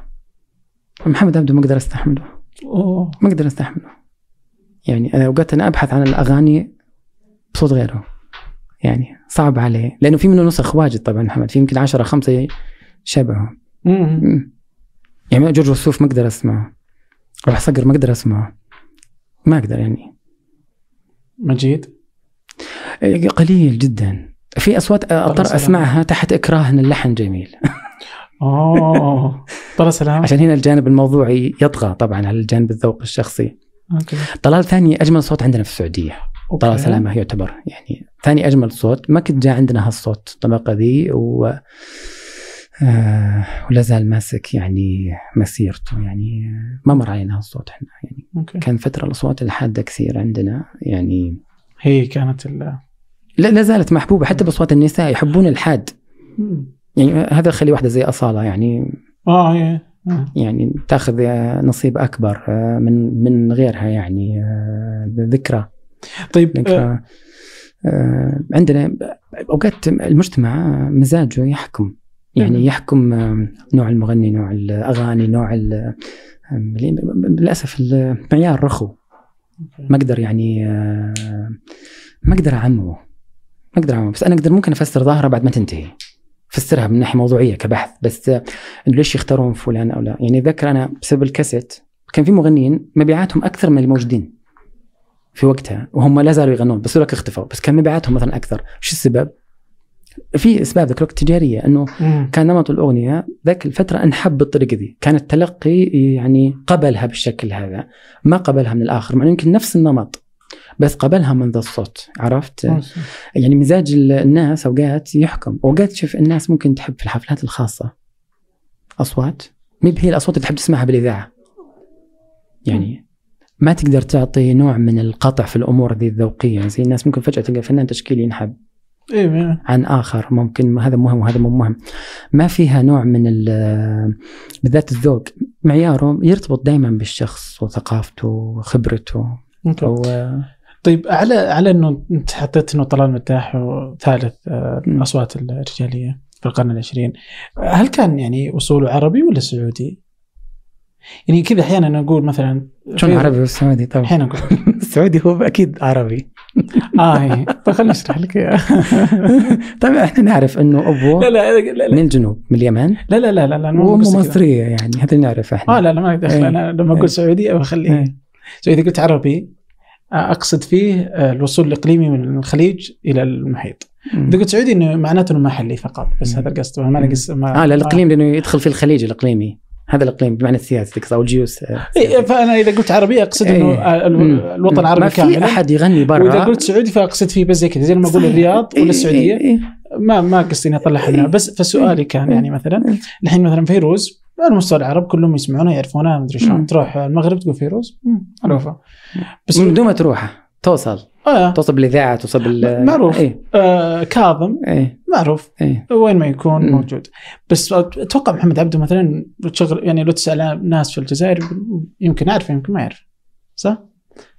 أو لا بس آه، آه، هذه فق- فقصدي هنا وصول هي- ال- هذه ما تضر آه، محمد لا ما ضر محمد ما لا قصدي لا. إيش في ولا مطلوب؟ منه ما نطلب منه إحنا لا أنا أبغى مغني محمد. عنده قاعدة جماهيريه كبيرة بالمنطقة هنا وبعدين آه، بناها يعني سنين طويلة. يعني من الصعب إنه أنت مثلا تعطي فرضيات وتطلب من فلان ما- ليس عنده يعني محمد راشد ماجد عبد المجيد عبد الله مو كثير منتشرين برا مطربين أنا قصدي محليين أصلا مثلا من, من أصلا من محليين. من أقصد ما طلع من عندنا لا طلال مداح طلال تحس من الشعر العربي؟ أكيد آه okay من البداية okay. من البداية. إيه هذا كان إلى أن. توفى. ظل يعني طلال اختيار عند كثير من ال- ال- العرب. اي يعني طلال يدخل في جيله. إيه. يدخل يتساوى مع وردة وفيروز وعبد الحليم. مم. هم جيل واحد هذول كلهم. وهذول كلهم منتشرين آه، كذا. عربيا. يعني. اي يعني يعني مثلا مثلا جيل طلال. جميل محمود. مم. كان يغني وملحن مهم. بس ما عنده اللي عند طلال. أوكي. طب ال- بس هذا ما يضر جميل. جميل أيضا معروف بلونه ومميز فيه لين أن توقف. طبعا الرجل نفس القصة مثلا. فيروز في من جيلها هناك مثلا. وداد. ما حد يعرفها. بس موجودة في لبنان. مثلاً. مم. عبد الحليم في يمكن حوالي رصة عشرة مغنيين شعبيين. محرم فؤاد وفي شفيق جلال وفي آه، محمد قنديل. في هذا جيله. موجودين. بس ما ما ينتشرون عربيا. لكنهم لهم قاعدة كبيرة داخل آه، مصر. نفس الشيء مثلا شيرين الآن. في من آه، بسنها في مصر موجود مغنيات ما ما طلعوا عربيا بس هي تطلع. هذه ال- الميزة اللي تصير عند الشخصيات الثقافية أنها تتعدى مجتمعها إلى مجتمعات أخرى. م- محتاجة أكثر من شرط. وش تحتاج؟ يعني واحدة منها لو تسويق أول شيء نوع المادة اللي هو يشتغل عليها فنية أو أدبية وش نوع المادة؟ زي ثاني الأف... مجموعة الأفكار والقيم هل هي متجاوزة الاطار المحلي. ولا لا؟ يعني يعني مواضيعها ممكن م- فيما يخص مثلا الأغنية. مثلا الأغنية عند شيرين مثلا مين مين مرتبطة فقط بالفتاة المصرية؟ ممكن تحس فيها الفتاة في الجزائر ممكن تحس فيها في موريتانيا وتحس فيها باليمن يعني. أوكي. عكس مثلا واحدة يمكن من جيل شيرين مثلا ممكن تكون داخل مصر ما حد يحس فيها إلا داخل مصر مثلا. أوكي. عرفت؟ نفس القصة يعني آه إنه ليش مثلا آه أغنية الطلال ولا أغنية الوردة ولا أغنية الفيروز تطلع؟ تطلع يعني برا برا برا بلد صانعيها يعني. يعني تتعداهم تروح. يعني أغنية مثلا مقادير. آه، تطلع. يعني طلعت برا آه، تغنى برا يعني تغنى في المغرب تغنى في كل مكان مثلا آه، حبيتك بالصيف حبيتك بالشتاء فيروز أحد المغنيين الفرنسيين ركب عليها كلام فرنسي وغناها الاماكن قدرت تطلع؟ لا. لا لا ليش تطلع؟ ما أدري ليش تفترض؟ هذا افتراض أحس آه لا يعني. آه لا طلع لمحمد في السبعينات في نص السبعينات أغنية آه اللي صارت بعدين Queen of Sheba ملكة سبا آه بعاد آه بعد عشان اللحن مم. عشان اللحن لأنه يوسف مهنا كان ذيك الفترة يوسف المهنا طبعا وهذا يعتبر من بين قوسين من ملوك تلحين فن السامري بس لحن هذه الأغنية هي الأغنية مي تنتمي للفن السامري آه هو سوى طابع خاص بأغنية على إيقاع الرومبا. وهذا الطابع آه، طبعا يعرفون اللي يؤدون الإيقاع عطى هو الرمبا طبعا إيقاع أصلا جاينا من أمريكا الجنوبية. جاي للمنطقة عنده هو سواه مع أكثر من أغنية مع اخوه عبد المحسن ونجحت. لكن آه، اخوه عبد المحسن من المغنيين الشعبيين اللي ما يطلع برا الكويت. فسوى هو خلطة. تحس أنت في طريقة أداء الإيقاع في ريحة هندية. سواها في نموذج أبعاد. واللي اشتهر من أبعاد أصلا فقط الفاصل الموسيقي اللي هو ليله ليله وهو اللي بنوا عليه أغنيتهم The Queen of Sheba فرقة Dolly Dots ال- طبعا فرقة تعتبر من الدرجة العاشرة في أمريكا. مين مهمة؟ ست مغنيات أصلا. موجودين هم للحين. تغير هي لا زالت الفرقة تشتغل بس جاء جيل جديد. يعني هناك الفرق ما تموت عندهم تعيش. كان عندهم عرض قبل سنتين آه، أو tour أو شيء نسيتها. آه، يعني هذه ممكن طلعت عشان ال- الجملة اللحنية. وهذا حصل كثير. آه، على فكرة إنه أخذ من عندنا. يعني مثلا الأتراك. مغنيين الأتراك. كثير يحبون الفلكلور المصري يحبون الفلكلور ال- الشامي. يعني مثلا آه، لحن آه، مثل جمال اللي لحنه بليغ حمدي غنته ليلى مراد بعدين لطيفة. آه، أخذ الأغنية ال Bülent Ersoy آم، الحالة تعبانة يا ليلى. آه، اللي لحنها زياد رحباني. آه، غنت أعتقد ب- بتركيا. يمكن إبراهيم تاتليسس ركب عليها كلام تركي. آه، طبعا في آه، Ebru Gündeş برضو أعادت كتبت كلام على أغنية آه، آه، شو اسمها أغنية طريق النحل. فيروز مثلا كي ياخذون الألحان كاملة طبعا القاني بعد يومين لحن جمال سلامة لسميرة سعيد أيضا Bülent Ersoy ركبت عليه كلام أغنية أكذب عليك لوردة لحن محمد الموجي طلعت عند برضه Bülent Ersoy يكتبني يقتلني يعني.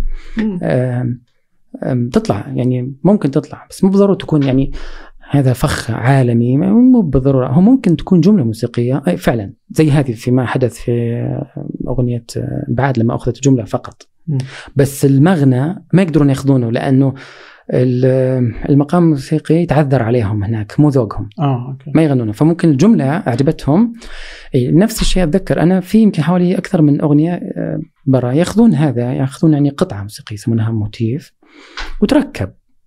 وهذه طريقة الآن هي لحل مأساة الأغنية بالذات في أوروبا وأمريكا إنه الأغنية تبنى آه، وت- وتكون كذا باردة فيبون شيء يعطيها حرارة فيستخدمون جملة موسيقية قديمة. وتلاحظ كثير من الأغنية تشتهر بسبب الجملة. okay. يعني آه، شوف آه، مادونا في ألبوم أغنية Ray of Light أذكر أنا استخدمت جملة كانت لل ABBA الجملة ال ABBA أخذينها من الخليج غنوها في السبعينات. آه، أو آسف من من ال ABBA يمكن من Boney M. آه، هي أخذتها بس القطعة. في فرقة بعد بتذكر أنا اسمها فرقة مجموعة بريطانيين أيضا أخذوا غنوا أغنية اسمها Curtain Falls كانت مشهورة آه، تغنى soundtrack خاص بفيلم. okay. فيها جملة موسيقية. أخذوا هالجملة ركبوها في أغنية. هي صارت الجملة مشهورة حتى لما كان يستعاد الكليب كخلفية في نفس فواصل القناة عرفت. أوقات الجمل ذي تعطي نوع من شو اسمه آه، يسمونها بالإنجليزي catchy تلقطك من أول ما تسمعها خلاص ما تقدر تفك آه، منها. زي إحنا عندنا جت فترة طويلة ال- قبل يبدأ العرض. عندنا تلفزيون في الثمانينات. آه. كان في يلا يا والي انصر ملكنا. okay. اي وكانت تعزف بطريقه تعزف بطريقة بطيئة. تنحط وكان يحطون فيها الارتدادات أعتقد أو آه، الارتدادات العمودية والأفقية التقاط القناة. كان. يحطون فيها. إي بعدين أتذكر أنا كان في مقطوعات موسيقية كانت تجي خلفية لعرض البرامج بكرة. أنا أتذكر كان في أغنيتين دائما تتناوب. آه، موسيقى أغنية بنلتقي المعلق عبد الكريم بالثمانينات أو مقدمة يا خبر الوردة. يمكن المخرج كان يحب. يمكن يمكن يحب. يعني وبعدين كان في برضو أغ- موسيقى كانت اشتهرت فترة عن موسيقى مغربيه واحد اسمه عبد القادر الراشدي موسيقى. أطلس كان إي هذا الخيار شوف تحكم فيه الأشخاص. أنا أنا ممكن أذكر سالفة مضحكة. أحد الإذاعات كان بعد الساعة 12 في الإذاعة تشتغل أغاني راغب علامة. أوكي. إلين ينتهي الشفت. اكتشفوا إن الموظفه تحب علامه ونفس الشيء تكرر في إذاعة أخرى بعد الساعة 12 كان في سميرة سعيد يعني. وسميرة ما هي شعبية كثير مثلا. نفترض إنه. لكن بعد الساعة 12 ليش؟ يعني زي أنا أتذكر مرة بدت إحدى إذاعات ال FM. آخر التسعينات تبث. ما كان عندها برامج. okay. فكانت تبث مادتين. متناقضتين أغنية ليت للبراق عينا لأسمهان القرآن الكريم بصوت محمد صديق المنشاوي ورا بعض. يمكن الموظف اللي يختار هو اللي هو المسؤول طبعا. اي فأقول لك إيه. الذوق اوقات يتحكم بالناس. هو اللي يتحكم. من الصعب إنك يعني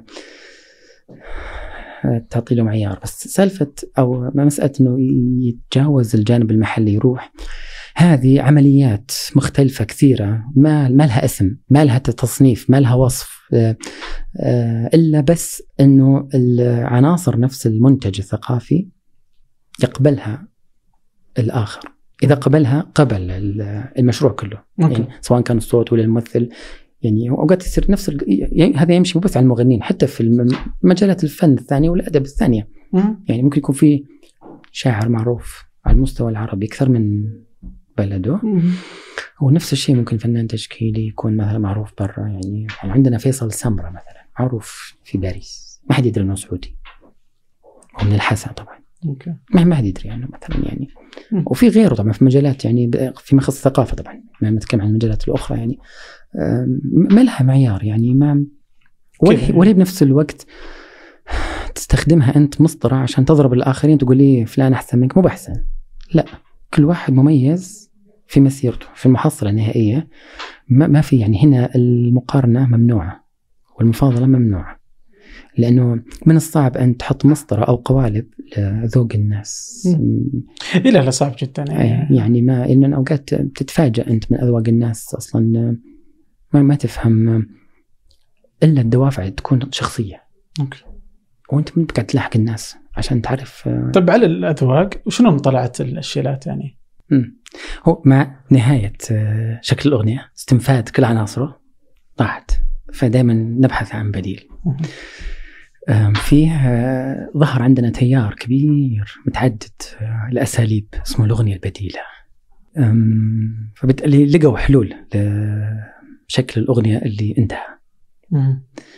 طبعا جزء من هذه التيارات كان في محاولة إعادة قراءة الفنون الأدائية من جديد يعني يعيدون يغنونها بطريقة مختلفة يعني عن رؤية الجي... الثلاث أجيال اللي راحت. آم، عندنا يبدو لما وصلت ال- الأغنية إلى نهايتها. وظهر عندنا جيل جديد ما بعد في الألفية الجديدة بعد دخول القرن 21 ظل هذا الجديد يسوي عملية إعادة تدوير هذه ال recycle من نفسها يكرر نفس شكل الأغنية حق الثمانينات. هو. ما صار عنده مساحة يتحرك فيها غير البطء والسرعة. وحتى لو غيرنا الكلام يعني ما يخدع ال- ال- ال form نفسه يعني شكل هو نفسه ثابت. م- مقدمة تهيئة ثم يبي يغني قرب بعد الإيقاع شوي. ثم يبي يكرر المقطع ما بتنتهي. هذا هو ال form اللي قاعد عاشت عليه فوق السبعين سنة.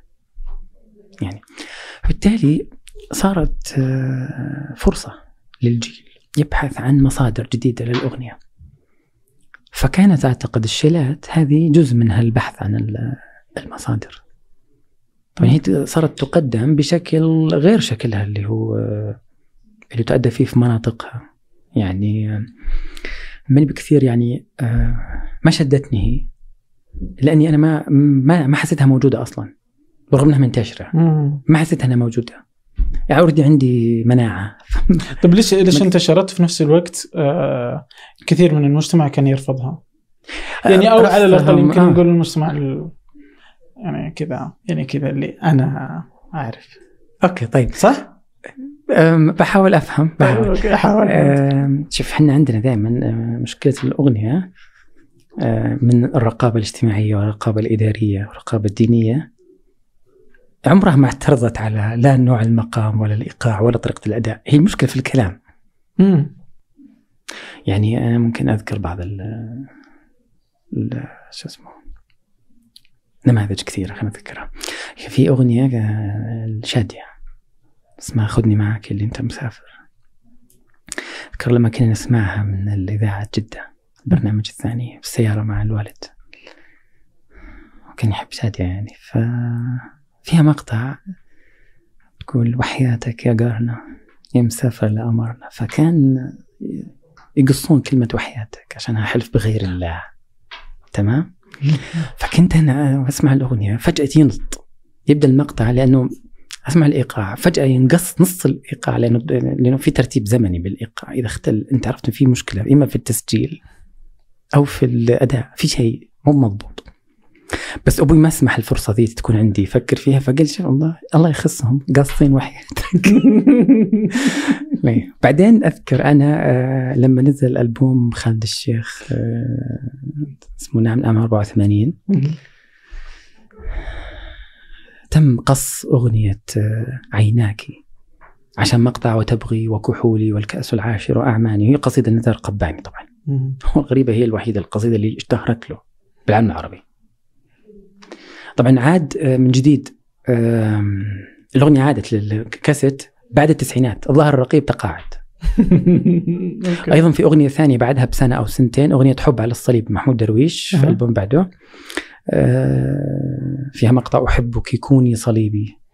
أيضا هذه بترت من ال- الألبوم مثلا يعني. فأقول لك أوقات الرقابة ال- بمختلف أنواعها. هي دائما ما تتسلط إلا اللي على الشيء اللي تفهمه أو تدعي إنها تفهمه وهي ما تفهم في الشعر الاستعارات أصلا. ما تفهم. فبالتالي وش أقرب شيء؟ تقص. مثل كانوا يقصقصون أيضا الصور في المجلات ذاك الفترة اللي تيجي من برا خصوصا المجلات الفنية والمجلات آم، أو أي مجلات أخرى يمكن سياسية أو كذا. فنفس الشيء أذكر أنا إلى آخر مرة يمكن بال 2004 أيضا آه، منعوا أغنية ذكر خالد الشيخ. لأن الرقيب هذا واضح إنه موظف جديد اعتبر عنوان الأغنية غامض. الباب. أوف ما يعني ما عجب الاسم. فخالد قال آه، اللي هو حل لا يفني الغنم ولا يقتل الذئب.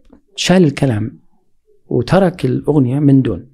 فالناس تحس موسيقى طبيعي وين إنه لحن؟ بس ما في كلام لأنه آه، يبدأ في اللحن المقاطع حقت الغناء تختلف عن مقاطع الموسيقى.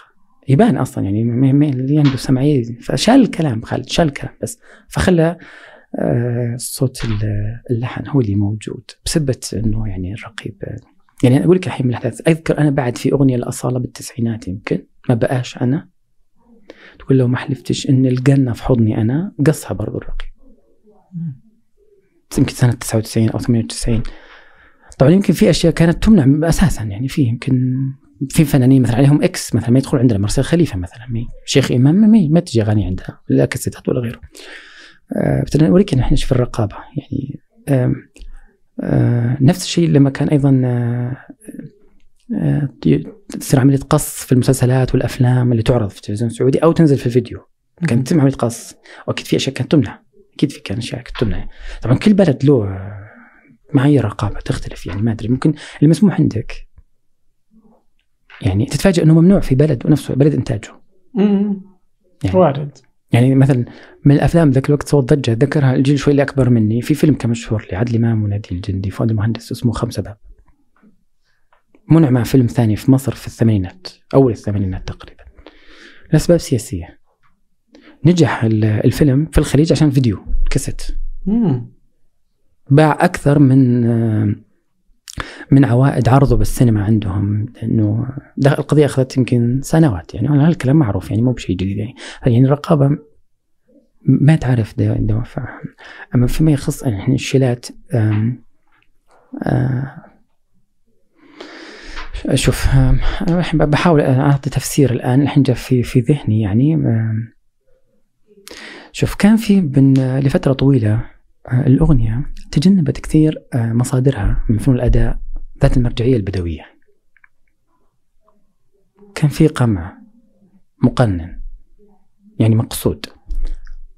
طبعا أكيد لأسباب اجتماعية يمكن في أسباب أيضا أخرى ما أعرف تنافسية ما نعرف. الصناع أيضا مرجعياتهم وانتماءاتهم تحكم أنه ما يعرف ما يجيبوا إلا فنونهم. آه، لأن أتذكر أنا مثلا كان في فنان كبير عندنا مرجعيته بدوية اللي هو سمير الوادي مطلق الذيابي ما له أثر. مع أنه هو شاعر وشخصية إعلامية بعد كان في فترتها غير أنه طبعا هو ملحن مغني صوته الأصوات الجميلة العريضة يعني في الستينات بالذات يعني. لكن أنه غنى هو بعد كذا أغنية مرجعيتها بدوية بس ما دخل ضمن الذاكرة عندنا. يذكرون أوه فلان أبو اغنيه كذا بس ما شكلت أغانيه آه، نمط يأثر ويتفاعلون معه الأجيال اللي عقب. الشيلات جت هي تعبر عن فئة اجتماعية اولا كانت يعني مقموعة من وجودها الفني أو وجودها الثقافي. الأمر الثاني إنه الشيلات جت تحاول تحل هي طبعا حل هي اقتراح أكثر من إنه حل لقضية إنه وصلت الأغنية مرحلة إنها خلاص يعني انتهت الأغنية كشكل انتهت. لكن آه، هي آه، كنوع أو كفنون أداء محكومة بمرجعيتها البيئية والاجتماعية. فهنا جاء يمكن الاعتراض الاجتماعي عليها. بس هي أنت لما تسمعها هي من الناحية كمقومات فنية أو كعناصر فنية هي فقيرة. هي أقرب ما تكون أغنية تحريضية لا أكثر كيف؟ يعني هي زي كأنها اللي يعني يسمونها زي كأنها هوشة شارع مم.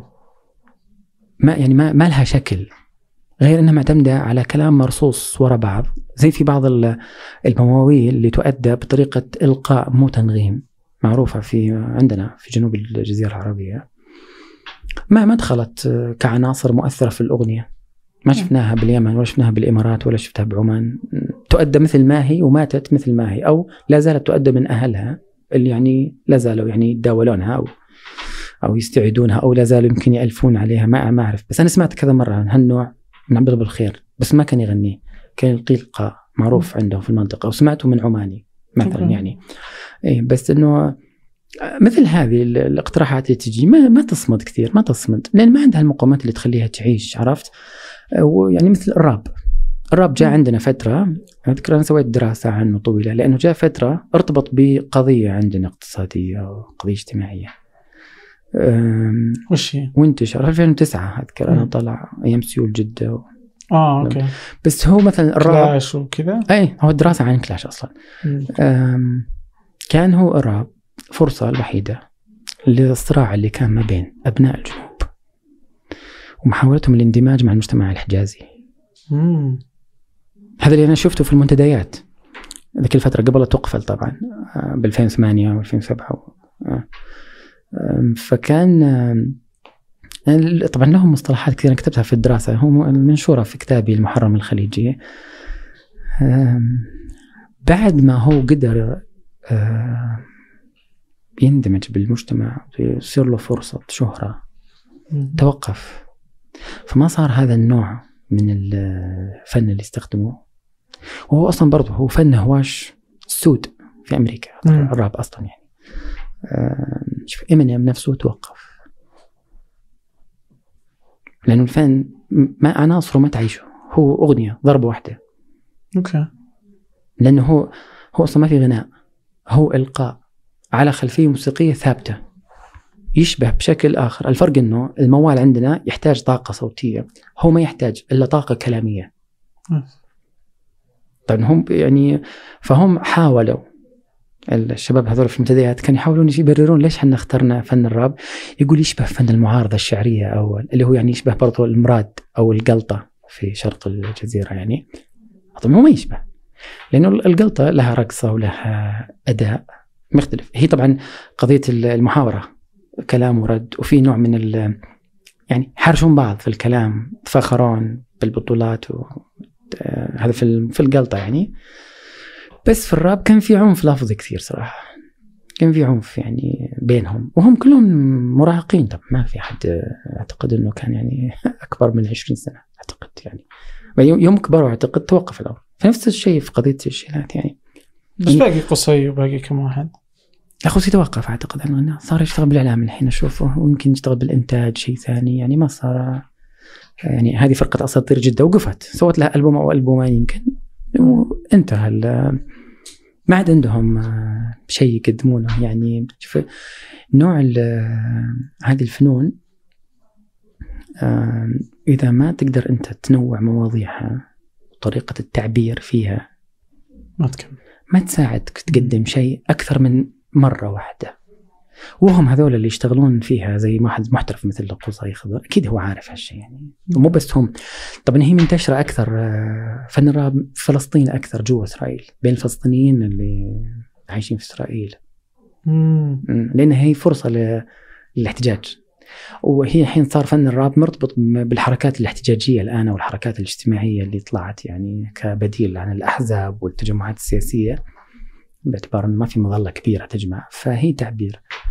شبيه للشيلات مثلا في مصر اللي يسمونها الحين المهرجانات إنه مجموعة أربعة يغنون على موسيقى ثابتة ويستخدمون آه، تقنية صوتية تظهر الصوت غير طبيعي يعني.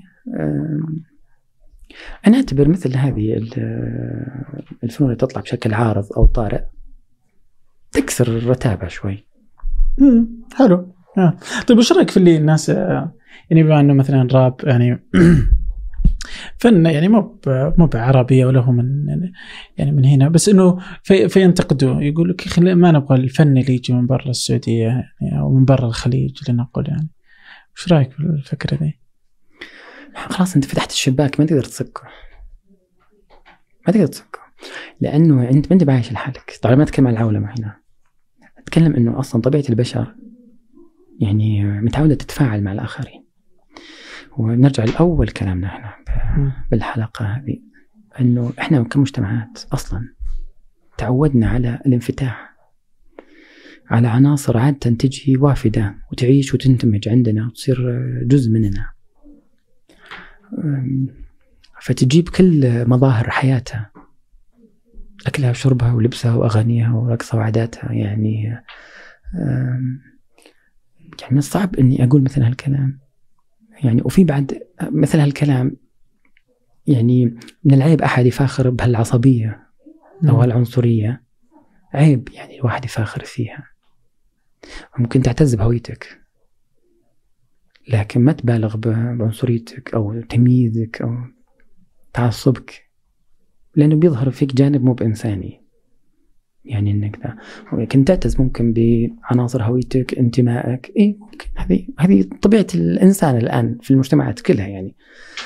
بس من الصعب إنه مثلا اخذ موقف إحنا جزء من نتفاعل. يعني أنا جت في فترة مثلا جزء من السمع أنا يعني كنت أسمع كل انماط الغناء كلها. الأوروبي والأمريكي والآسيوي كله سمعته. أنا أسمع تركي أسمع هندي أسمع إيراني. يعني سمعت اشياء يعني. سمعت أفريقي. أه وسمعت تجارب أوقات يمكن مي بكثير دارجة تجاريا في الإنتاج يعني اللي مثلا بعض الدول اللي شرق أوروبا مثلا أه اللي تأثرت فترة الحكم العثماني بالمزاج العربي يعني بشكل عام. هي فرصة لك إنك تشوف طرق تعبير الإنسان بمراحل مختلفة من تاريخه ومجتمعات كثيرة مختلفة. وعندنا إحنا نصيب كبير في تاريخنا الثقافي. بشكل. عام أو شامل. كثير من الانماط بالفن وبالأدب جاءت عن طريق التفاعل مع الآخر. الشيء الثاني هم يا أخي تفاعلوا أيضا معنا. كان فيه آه، فرصه التفاعل هذه من الصعب طبعا إنكارها. إحنا للأسف نفاخر فيها عشان إحنا انطردنا من الأندلس. بس يجب أن نفاخر بأنه جلسنا 400 سنة هناك.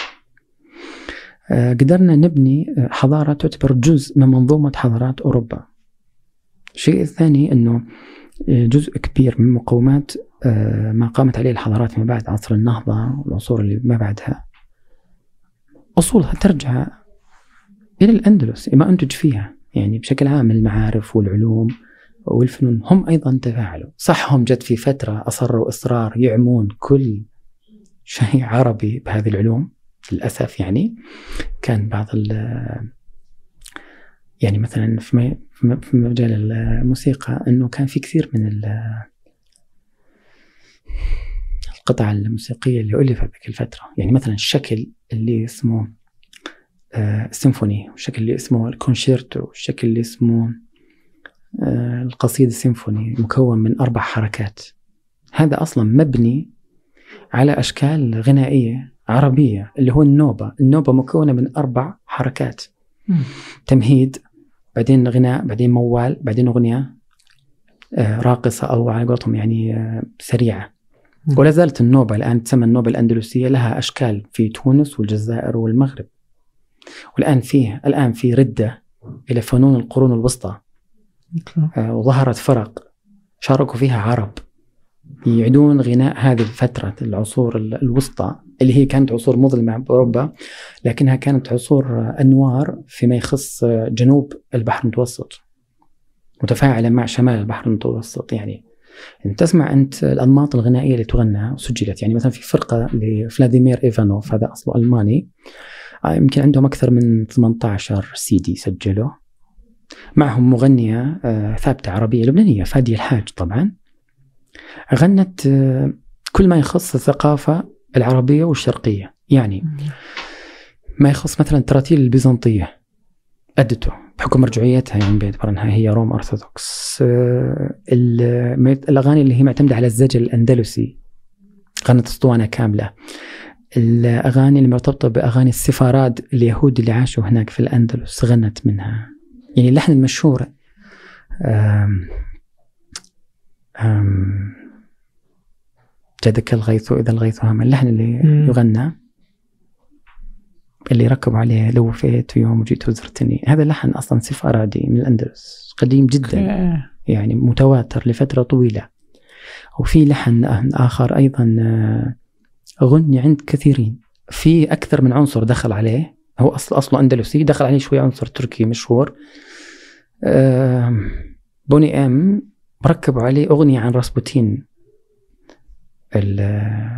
شو اسمه ال يعني الشخصية الروسية المشهورة هذا اللي أثر في البلاط القيصري ذيك الفترة. أه بعدين لورينا ما كانت برضه غنت اللحن أو عزفته. أه فكانت فادي الحاج أحدهم. أيضا في فرقة ثانية الواحد إسباني. يشارك معه مغني اسمه محمد العربي السرغيني من الأصوات الجميلة جدا المغربية. يؤدي الأغاني اللي هم لقوا مخطوطاتها باللغة العربية في إسبانيا الحين. okay. يعني فشوف عندنا إحنا وياهم ثقافة مشتركة. ما أقدر أقول لي ولا لكم لنا. فمو مسموح لأحد يعني يجي يقول أنا والله ما أبي شيء لأنه مثلا أجنبي أو كذا. صح إذا كان أنت ما تندمج معاه أو إنه تحس إنه ما يعبر معقول هذا ممكن مفهوم. بس أنت ما عاد تقدر تنعزل. مو قلت لك عشان هذا الانفتاح اللي صار الآن تقني لا. إحنا طبيعة الثقافة العربية أصلا طبيعتها الحضارة ذي اللي مستمرة لها أكثر يمكن تكمل ال 4000 سنة تقريبا الثقافة ظهور العرب يعني. ما عمرهم كانوا معزولين ابدا. ما عمرهم انعزلوا عن أحد ابدا على الإطلاق. دائما طول الوقت متواصلين. يعني أنا ممكن بس أقول مثال بسيط. توقف بس في القرن العشرين. كان في طريق قوافل اسمه العقيلات يبدأ من شرق الجزيرة. ينتهي بأسوان جنوب مصر. على شكل قوس. فتخيل يمكن عشر قرون أو أكثر. طريق قوافل. يركب فيه من كل أهل الجزيرة العربية. يعني على مدى قرون. يعني ويتعاملون مع كل البشر يعني شوف يمر بكم يمر بثلاث حضارات. يمر بحضارات شبه الجزيرة العربية ثم الهلال الخصيب يمر بالعراق وفلسطين وعن طريق القنوات اللي هي السويس يروح إلى مصر يذهب إلين يوصل لأسوان قريب من السودان. فكيف هذا المجتمع يعني تتوهم أنه يبي يعزل نفسه أو يدعي أنه عنده نوع من الصفاء ولا عنده نوع من ال يعني مناعة إنه ما يبي يتورط. لا أنت شارب تفاعلك من السنين يعني مو بشيء جديد عليك. وفي مكونات خاصة بالثقافة العربية معروف إنها أصلا جاية من برا. يعني مثلا كثير من المكونات الفارسية والتركية أصولها عربية. وما هو عربي عند الفرس راح إلى الترك بصيغته الفارسية لكن في جذره عربي. كل شيء. يعني الحروف الكتابة والموسيقى والكتابة الدواوين ذي الإدارية كلها انتشرت كل العصور. هم حكموا المنطقة لأنهم عارفين ثقافيين ينتسبون لها. صعب إنك تفصل نفسك. أنا أتكلم عن عن ممكن مثلا جماعة زي المورمون مثلا في أمريكا تنعزل. أنا أتفهم. أقلية دينية وأقلية تدعي عرقيا يعني إنها مغلقة وزواجاتها زواجات قرابات. أتفهم هذا في أمريكا. أتفهم يعني. مستحيل أقبله عندنا. في المنطقة عندنا يعني خصوصا في المنطقة العربيه من الخليج إلى المهند لا صعب. لأنه إحنا أصلا تعرضنا للآخر بالعنف وبالطيب. يعني وتفاعلنا معه على مدار يعني مو بس تفاعل عسكري أو سياسي تفاعل حتى ثقافي ومعرفي. يعني الجغرافيا فتحتنا على بعض أصلا. من الصعب إني أنا أنعزل عنه. صارت تصير فعلا حالات عداء. تصير في ضغائن تقعد سنوات. هذا يحدث عادي. نتيجة خلل. نتيجة اضطرابات. بس أنت لما تشوف المحصلة لا يعني تشوف في عندنا الأساس التفاعل مو بالانعزال على الإطلاق وهذا شوف الجزء من اللي أنا انتبهت له وأنا أسوي ماجستير إنه عندنا إحنا في داخل في الثقافة العربية عنصر الهجرة الشعور بالهجرة إنك أنت دائما مهاجر دائما غريب. تعاطف مع مثلا مثل القضية الفلسطينيه هو جاي من مرجعية محلية عند كل أحد في العالم العربي إنه أصلا أهله كانوا مهاجرين أو أهله ضاعوا أو أهله عانوا الشتات أو عانوا المنفى مثلا. فمجتمعات عندها هذه الفكرة موجودة. مستحيل تنعزل مستحيل تنعزل يعني حتى لو كذبت يعني أو طلع أحد. أو اللي يتكلم مثلا الكلام أعتقد إنه يجهل ثقافته يعني آه، المفروض يعيد النظر لازم يعرف ثقافة المجتمع اللي هو ينتمي له. أوكي. طيب جميل جدا. يعني آه، من الحلقات والله اللي استمتعت فيها يعني. آه أنا أتذكر أن ظهرنا حلقتين أو ثلاثة اللي تجاوزت الساعتين يعني. أوه. فيعني أهلا بك. يعطيك العافية. شكرا جزيلا على وقتك آه بحاول أضع أغلب ما تحدثت عنه في وصف الحلقة. آه موجود أنت على تويتر. آه وكتبك موجودة في كل مكان يعني. يعطيك العافية و يا ونراك على خير بإذن الله. نشوفكم على خير. الله يسعدك. أهلا وسهلا. شكرا أحمد شكرا لكم شكرا للاعداد اسيل عبد الله والتنسيق آه، خلف الكاميرات محمد نادي وكذلك في التحرير والإشراف مازن العتيبي. هذا فنجان أحد منتجات شركة ثمانية للنشر. انشر كل الإنتاج. بحب من مدينة الرياض. الأسبوع المقبل القاكم